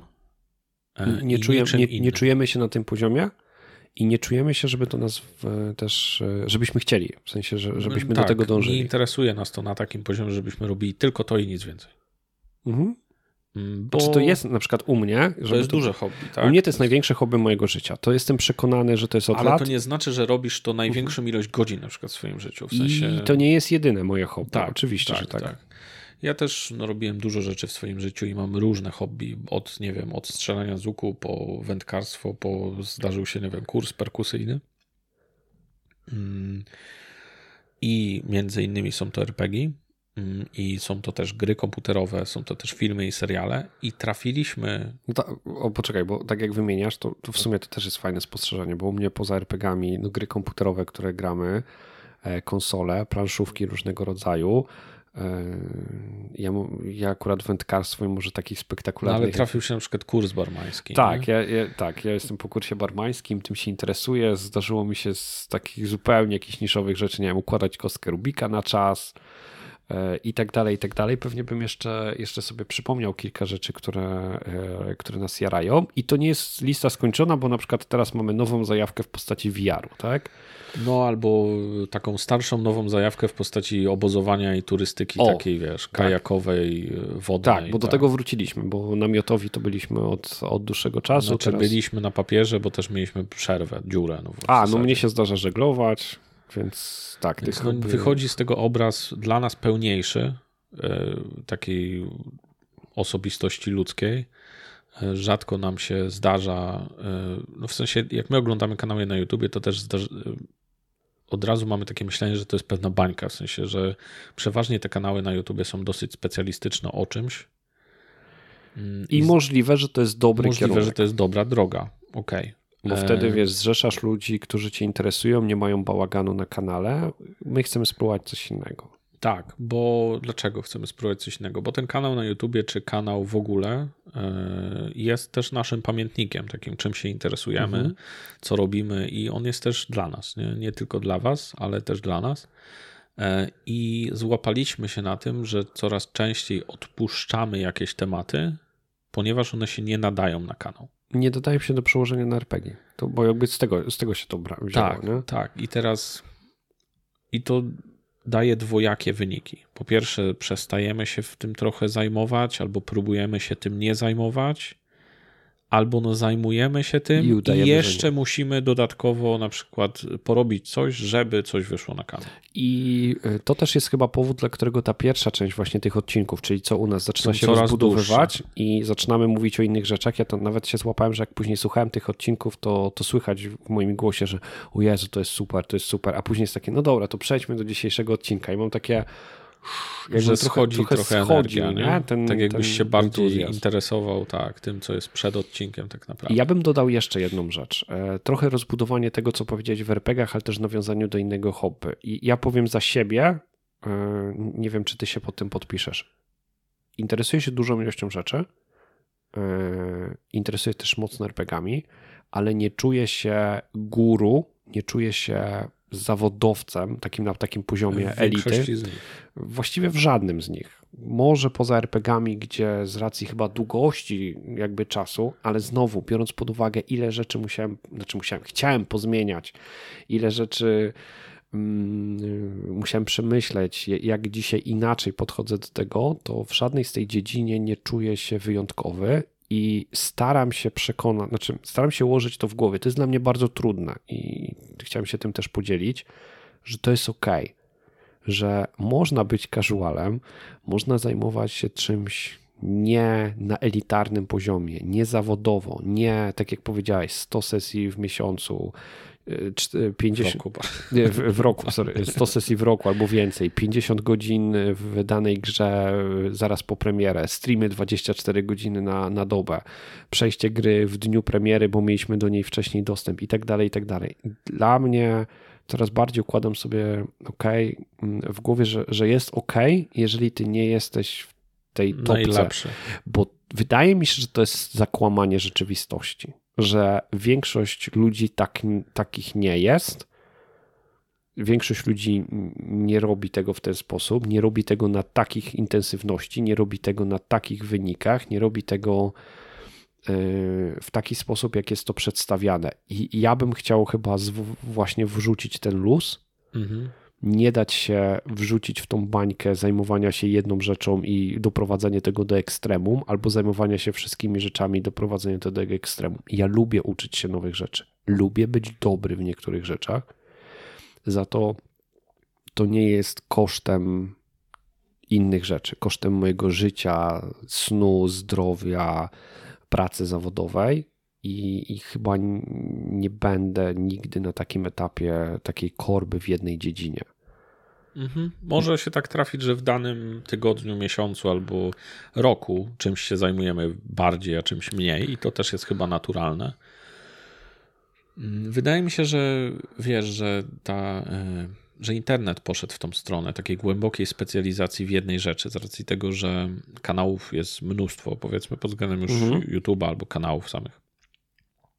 To bardziej przebijają się chyba kanały, wiesz, mówiące o jednej rzeczy na takim bardzo profesjonalnym poziomie, no bo jako widz masz dostęp do następnego kanału, który mówi o czymś innym, więc, yy, więc ta głęboka specjalizacja tutaj wychodzi. A, Tylko- a jako widz chcesz oglądać ludzi, którzy są w tym, nie wiem, kompetentni i No dobrzy, tak. a I, sobie... I to moim zdaniem niestety tworzy dwa problemy też, bo tworzy też bardzo dużo dobrych rzeczy. Mhm. Możemy sobie pooglądać specjalistów w właściwie w jakiej dziedzinie chcemy na wyciągnięcie ręki, tylko tworzy to dwie rzeczy, które są też złe i jedną z punktu widza i jedną z punktu twórcy. Z punktu widza mamy takie trochę zakłamanie rzeczywistości, że oglądamy ludzi, którzy są w tym świetni, w czymkolwiek robią, i później bardzo często pojawia się taka ściana, że my nie jesteśmy na takim poziomie Mhm. i jest trochę deprecha z tego powodu. Nie? Okej. I raczej nie ma w naszym świecie dzisiaj kultu przeciętności i tego, że jest ok bycie po prostu przeciętną osobą. Przeważnie mamy kult, wiesz, wybitnych jednostek w czymś. Dobra, w ogóle- skończ, bo nie chcę ci przerywać, żeby ci nie umknął wątek, ale Mhm. do tego jeszcze będę jedną Okej, rzecz dopowiadał. Więc wydaje mi się, że pod względem odbiorcy to jest trochę toksyczne, bo buduje nam się taki obraz świata, gdzie wszyscy jesteśmy super. Mhm. w czymś. I A jeżeli, jeżeli, nie jesteśmy, to jesteśmy. Tak, to jesteśmy gówno. poniżej, czujemy się źle z tym, nie? I bardzo często jest tak, że my próbujemy na przykład nowych rzeczy, no i nie jesteśmy na takim poziomie, albo nie interesują nas tak mocno te rzeczy i czujemy się z tego powodu gorzej, nie? Bo czujemy się, co ja jestem, no nie wiem, niewystarczająco zmotywowany, gorszy, nie wiem. Nie jestem super kulturystą, nie jestem super, nie wiem, zarabiającym facetem, albo nie wiem, no nie jestem najlepszym elektrykiem w kraju, albo nie wiadomo co. I od strony twórcy też jest taki problem, że te osoby często się wypalają bardzo mocno. Mhm. Nie? Że ta głęboka specjalizacja w jednym hobby. Ja akurat mam to przy, na przykładzie też streamerów gier komputerowych, że jeżeli nasz sukces zdefiniował konkretny tytuł, e, to się dzieje na przykład, nie wiem, w postaci Fortnite'a na przykład mhm. było. I później jestem troszeczkę zobligowany do tego, żeby grać no, codziennie 8 godzin, 10, 12 godzin dziennie w jedną grę, to rzadko kiedy ktoś wytrzymał dłużej niż kilka lat. Nie? I, o, I owszem, to też tak okay. mówimy, o kurczę, oni są wypaleni zawodowo, wiesz, milionerzy, nie? No ale mimo wszystko no, to wiesz, są no, osoby, jest, które jest się grupa, niszczą. która tak samo się wypaliła, nie osiągnęła, A, nie osiągnęła sukcesu. sukcesu, bo o nich się po o, prostu I o nie tym mówi, też trzeba mówić, no właśnie. I, I wiesz, no to są osoby, które się niszczą, nie? Psychicznie, fizycznie czasem. Mm, I nie chciałbym, nawet, nawet osiągając sukces, nie chciałbym chyba popaść w taką kategorię. Więc już nie osiągając tego sukcesu, nie będę szedł tą drogą. E, ale wydaje mi się, że to jest też toksyczne i przykre dla odbiorców, nie? Że, że to jest też problem dla odbiorców. Mm, no i tyle. Takie mam dwa, dwa do tego problemy. Ja, się, się ich ja chciałem do tego to powiedzieć. E, ja chyba chciał, znaczy to też, to też była rzecz, którą ja pod, gdzieś tam chciałem przeforsować, może o tak powiem na naszym kanale. E, nie to, że musiałem cię do tego zmuszać, bo, bo tutaj mamy jakby podobne podejście. Chciałem się podzielić jakby swoją perspektywą. Ja mam tendencję do wpadania w obsesję. Mam tendencję do tego, że jeżeli się odpalę, nie, nie twierdzę, że zdarza mi się to często, ale jeżeli się odpalę, to mam tendencję do przekraczania tego progu powiedziałbym, zdrowego.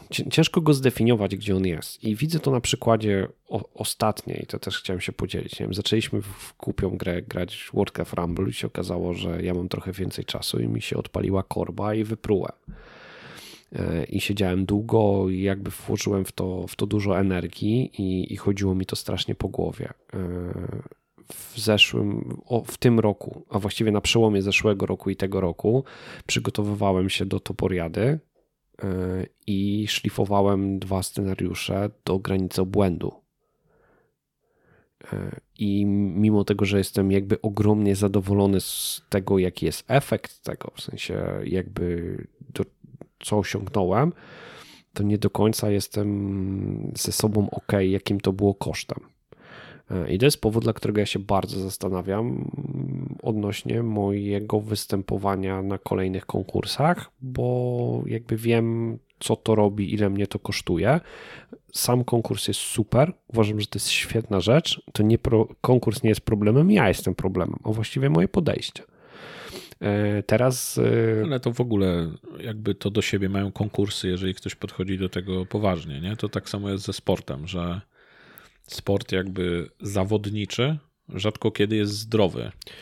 No dobra, ale mhm. wiesz, na razie, ale mówimy cały czas w kategoriach hobby, rzeczy, które powinny nas, e, nas Może bardziej pasji, nie? No, ale to, no wiesz, tak, to... pa pasja ma bardzo blisko właśnie do obsesji, no, nie? No. E, I przykład z, z, tego tygodnia, e, my nagrywamy to w tygodniu, w którym mamy syndrom bitej żony, czyli wróciliśmy do World of Warcraft, pojawił się nowy sezon i okej, okay, nie, nie, gram pierwszego dnia, bo, bo ja jestem w pracy i, i to jest dla mnie oczywiście priorytet taki życiowy, za to nagle mam dzień wolny i, i po prostu wsiąkam, siadam i jest jakby bagno, tak, do, do tego stopnia, że to jest jedyna rzecz, którą ro, robię danego dnia. Ta, mało tego, tak układam sobie cały czas, żeby, żeby móc to robić. I teraz dlaczego o tym mówię? Bo ja w którymś momencie staję e, ze sobą twarzą w twarz i nie czuję się ok pod dwoma względami. Nie czuję się ok, bo yy, dobrze się bawiłem i to jest super, ale poświęciłem na przykład inne rzeczy i mimo tego, że poświęciłem tych rzeczy tak dużo, to wciąż nie jestem, nie wiem, najlepszy. To wciąż jest za mało, żeby nawet mierzyć się z ludźmi, którzy są w topce. Mhm. Ja, mogę, ja mogę siedzieć, y, ja, żeby się z nimi mierzyć, to ja musiałbym wziąć urlop w pracy, mieć plan działania y, samej, samym graniu, mieć plan działania życia, w sensie przygotować sobie posiłki właściwie chyba wcześniej i wtedy może, może miałbym tylko cień szansy, żeby być w topce. Też nie, bo jeszcze się okazuje, że sam ten czas spędzony przy komputerze nie jest najbardziej optymalny. No tak, ja sobie tak myślę, bo jedno z takich na przykład growych moich jednych tam osiągnięć, które powiedzmy kiedyś się zdarzyło, ja miałem taki sezon w Diablo chyba 3, w trójce, e, w którym e, ja ogólnie nie mam szczęścia, ale to faktycznie mnie tam farciło i to się jakoś tak zbiegło z moim urlopem, że nowy sezon wchodził na mój urlop, ja stwierdziłem, dobra, zaczyna się sezon, i wsiąkłem tak bardzo. Jeszcze przy okazji miałem ogromne szczęście i nagle się okazało, że jestem tam wysoko w rankingach europejskich e, w swojej, w swojej postaci, co super było fajne na screenie kosztowało mnie to urlop, nie? Jakby kosztowało mnie to odpoczynek, kosztowało mnie to urlop, po którym mam wspomnienie, było fajnie i mam screena, ale tak naprawdę wróciłem zmęczony do, do życia codziennego. No ty masz taką anegdotę jeszcze chyba a propos World of Warcraft, jak studiowałeś kiedyś, nie? Że, tak, że tak. tygodniowo poświęcałeś ja... na, bo tam były... Y, był taki... Był taki moment, gdzie były programy, które liczyły to się czas. X-Fire nazywało chyba? Czas spędzony przy komputerze. Tak, ja miałem, słuchajcie, ja miałem takie wakacje, yy, gdzie graliśmy w World of Warcraft na nieoficjalnym serwerze, no, pirackim, jakby, sorry, tak, tak to niestety, niestety było. Później trochę przerzuciliśmy się jako gildia i był taki moment, w którym my progresowaliśmy, czyli jakby staraliśmy się zabić aktualny content i ja w wakacje na studiach między jednym a drugim rokiem, nie pamiętam między którym a którym, e, złapałem średnią 73 godzin w miesiącu. W, w tygodniu. Ja, ja grałem 73 tygodniu, godziny w tygodniu. To są prawie dwa etaty.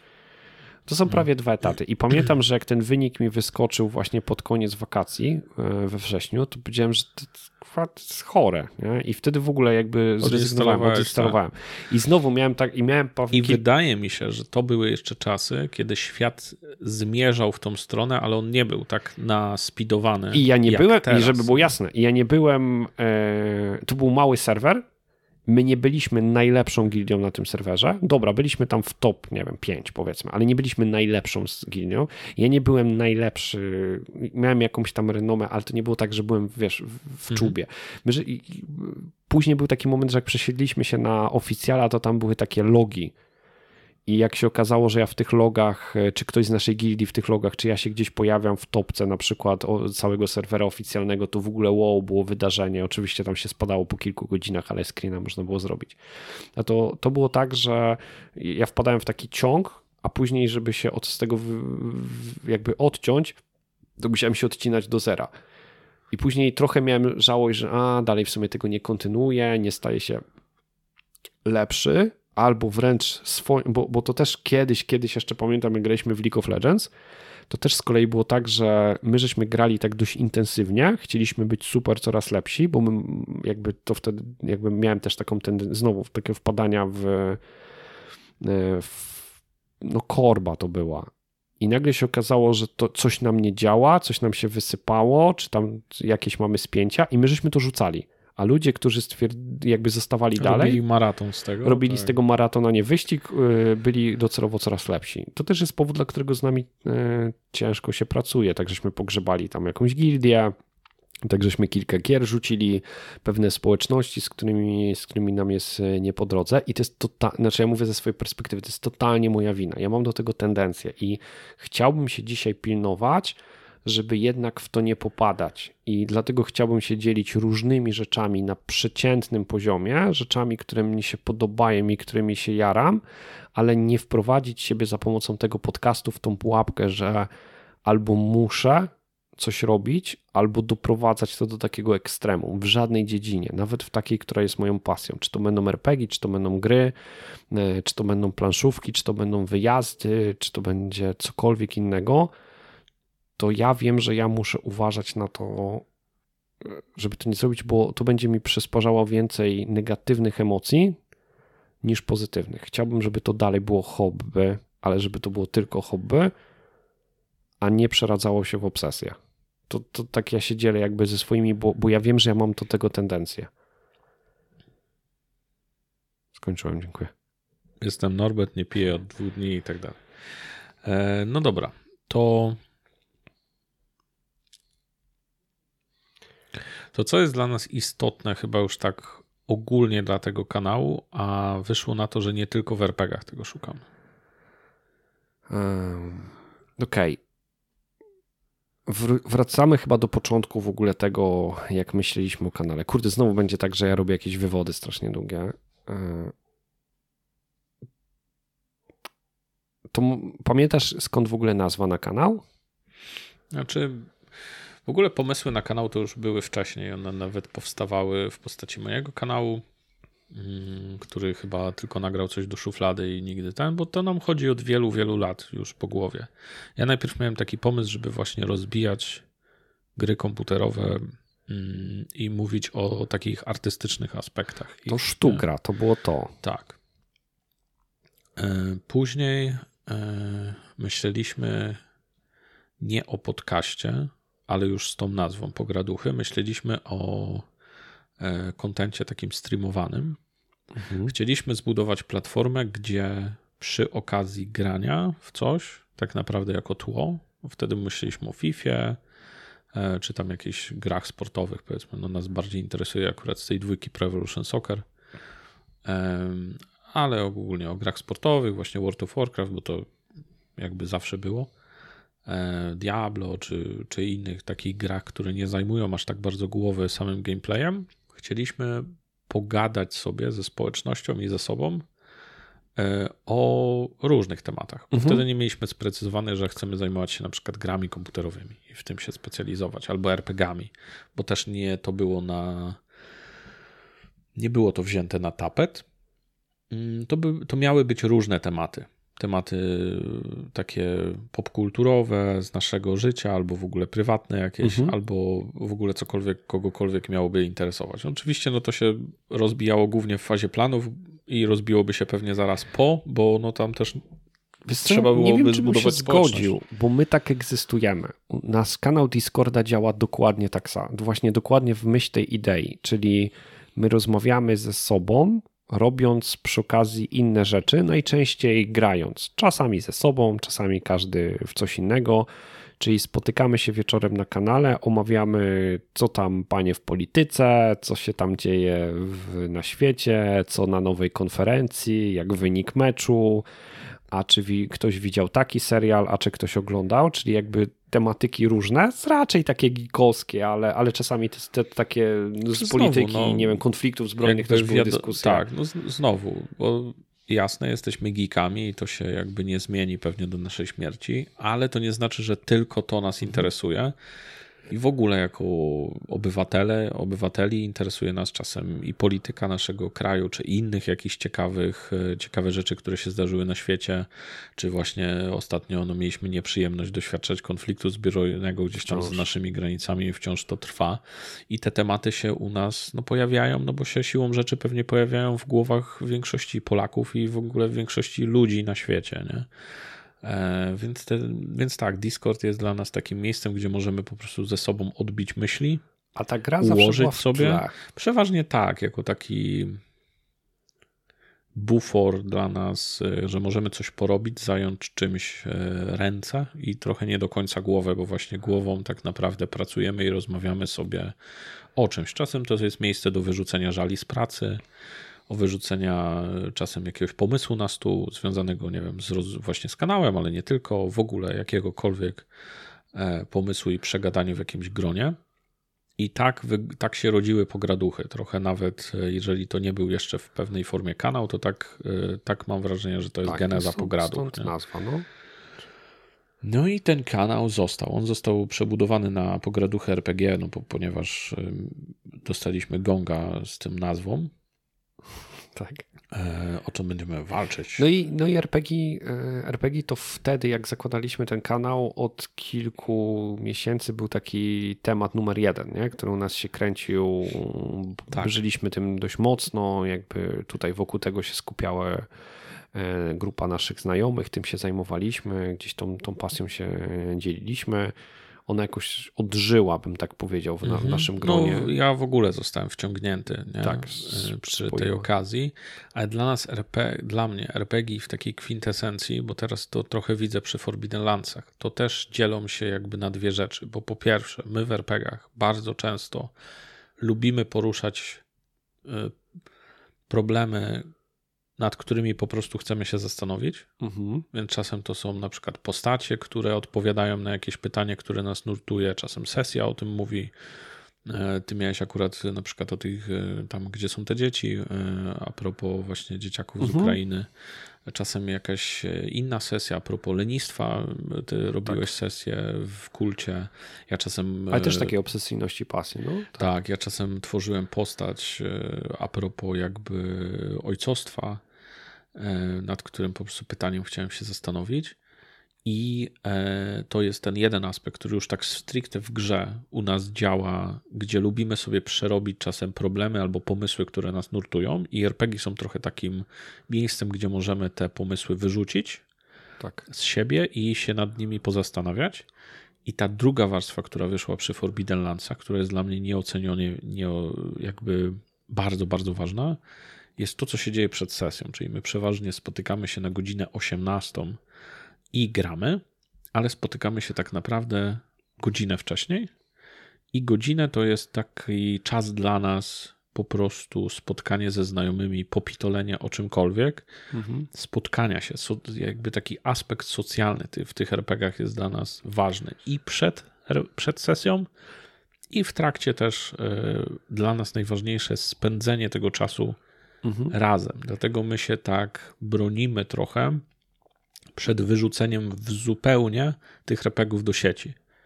Bo, e, bo ten aspekt bardzo taki. Intymne. Tak, ten aspekt taki intymny, spotkanie się po prostu ze znajomymi e, przy stole fizycznie jest dla nas bardzo istotny. To, co powiedziałeś wcześniej a propos samych RPGów, bo zaraz rozszerzymy to dalej, to to, że my poruszamy takie tematy, to też jest kwestia tego, że my przy tych stołach e, czujemy się bardzo bezpiecznie. Mhm. A czujemy się tak bardzo bezpiecznie, bo to jest kwestia e, strategii, z kim my gramy. Bo moi drodzy, my gramy przede wszystkim ze swoimi znajomymi.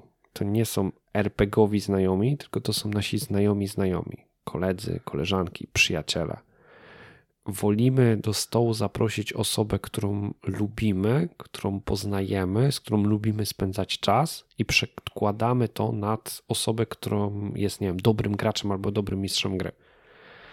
Jeżeli staję przed wyborem zaprosić osobę, którą ja lubię, jest sympatyczna, a ona może być słabszym graczem. To dla nas to nie jest gry, wybór w zasadzie. Albo osoby, która jest super dobrym mistrzem gry, albo super graczem, ale coś nam zgrzyta w takich kontaktach i my nie do końca się dobrze czujemy, to dla nas to nie jest wybór. Zawsze będziemy przedkładać naszych znajomych.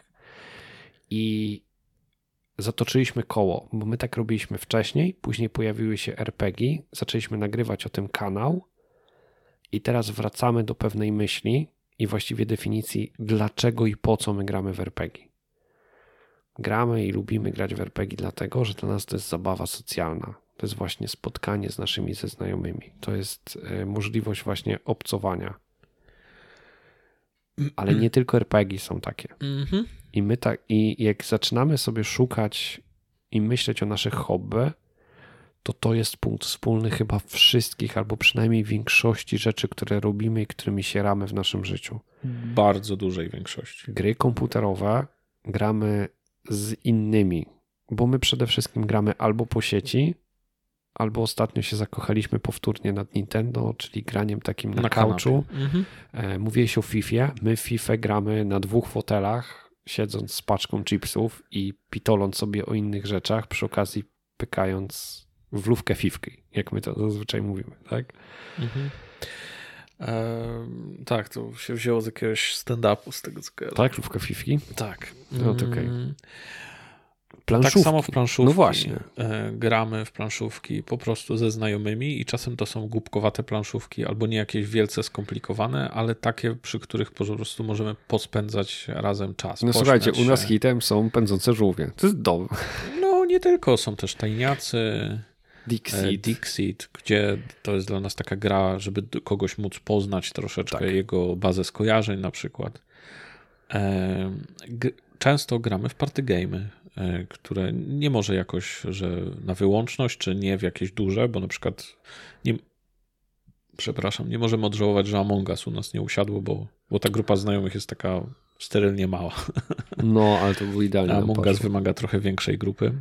Ale na przykład mm, u nas w kuluarach najlepszą grą chyba party to jest Rock Band. Rock Band to jest taka zamierzchła gra, jak dinozaury chodziły po świecie, gdzie wcielaliśmy się i tworzyliśmy z znajomymi zespół rockowy. I tam były plastikowe instrumenty i można było pograć na gitarce albo basiku, poklepać po bębnach i pośpiewać.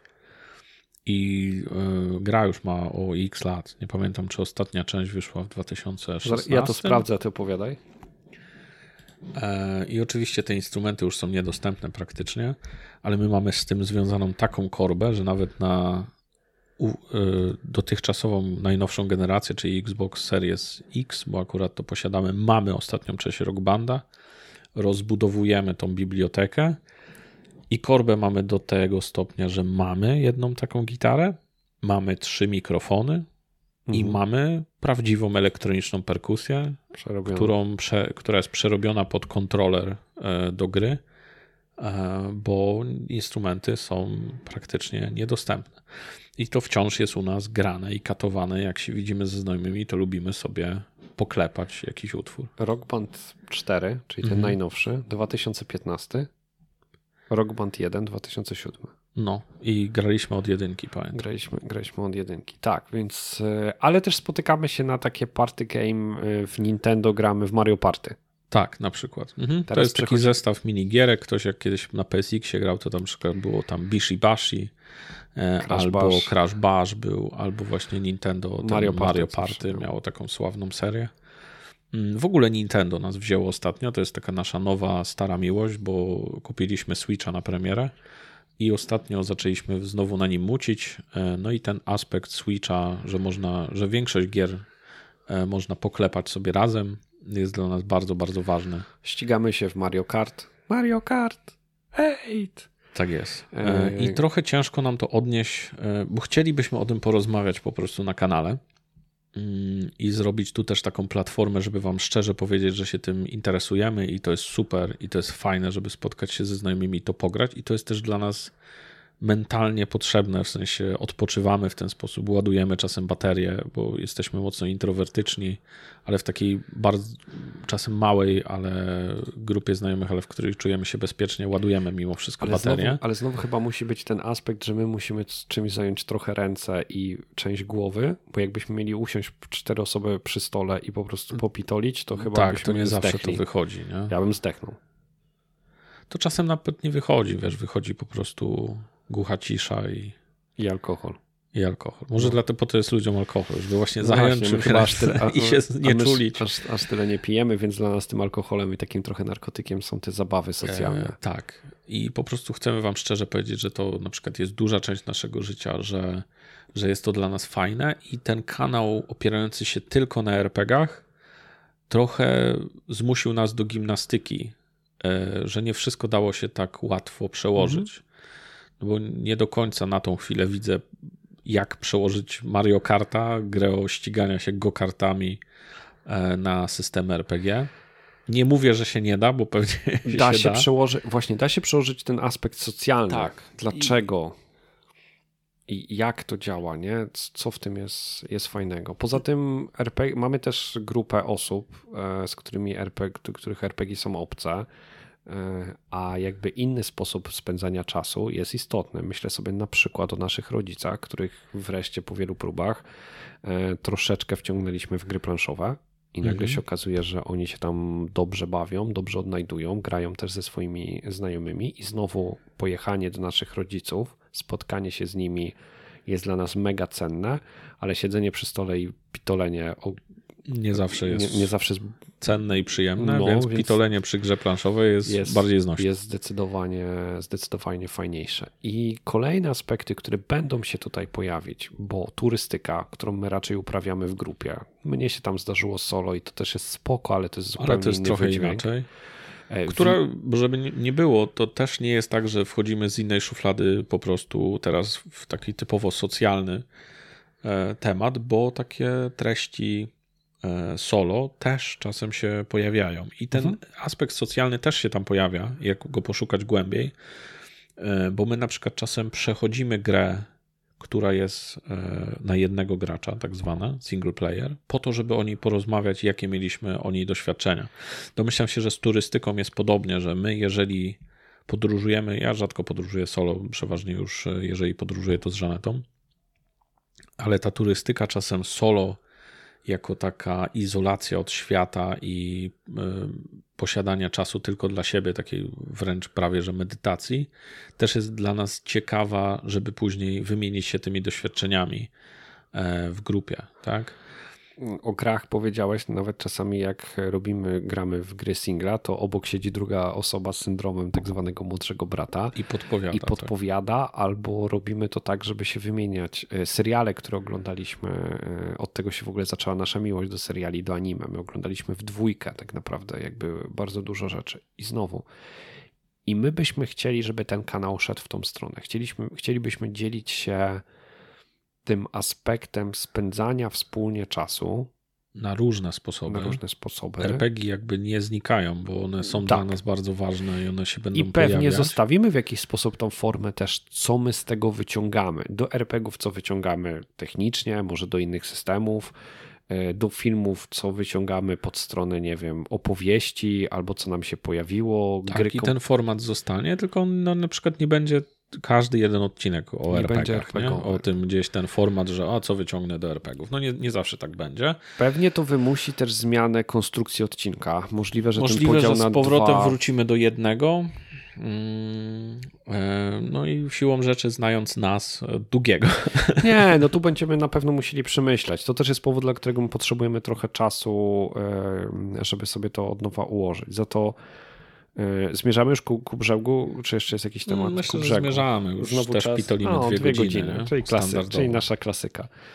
E, Co możecie się spodziewać? Tak, jak ktoś włączył teraz ten kanał, to tak w, w podsumowuję. telegraficznym skrócie. telegraficznym skrócie. Możecie spodziewać się, że kanał będzie dalej. Będzie powstawać i my będziemy się starać trzymać regularność. Jeszcze nie wiemy, czy to będzie regularność tygodniowa czy dwutygodniowa, ale jeżeli jakiś format, jakaś decyzja powstanie, to będziemy się trzymać tej regularności. Temat RPGów nie, Nie zniknie, zniknie. Ale zostanie przeplatany innymi tematami. Będą to tematy związane z ogólnym, bym powiedział, pojęciem geekowskim, ale nie tylko, bo myślimy o grach komputerowych, grach planszowych, RPGach, e, spotkaniu takim party, serialach, filmach. ale dalej serialach, koncertach. filmach, kon, tak, koncertach, z, Myślę, że z podróżowaniu podróżowaniem, to też- turystyką, to też na wodną, pewno będzie. może wędkarstwo. VR, który ostatnio się też przejawia. Prawdopodobnie większość tych odcinków będzie się skupiać e, i będzie wynikać z tego aspektu socjalnego. Tak, punkt wspólny tych wszystkich tematów, na którym chcemy się kotwiczyć i sprowadzać, to będzie punkt socjalny. Czyli jeżeli wyjeżdżamy na ryby, to przeważnie po to, żeby z kimś popitolić, bo tak to przeważnie w naszym życiu było. Jeżeli, nie wiem, czasami jedziemy na konwent, to po to, żeby się spotkać i popitolić i wymienić jakieś doświadczenia. E, Jeżeli gramy w jakieś gry e, komputerowe, to też najprawdopodobniej spodziewajcie się, że gramy w nie razem na Discordzie, sobie gadamy o czymś.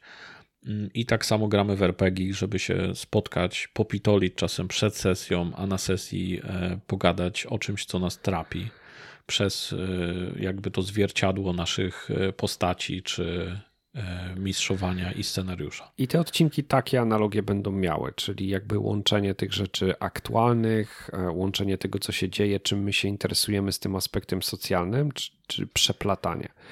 Czy będziemy, i to będzie na pewno core, to będą te podstawowe odcinki. Czy będziemy pokazywać, jak to robimy? To znaczy, czy będziemy robić e, nagrywki z naszych sesji, czy będziemy robić nagrywki z. E, będziemy streamować niektóre gry, czy będziemy wrzucać Wam jakieś filmiki, e, na przykład z VR-a?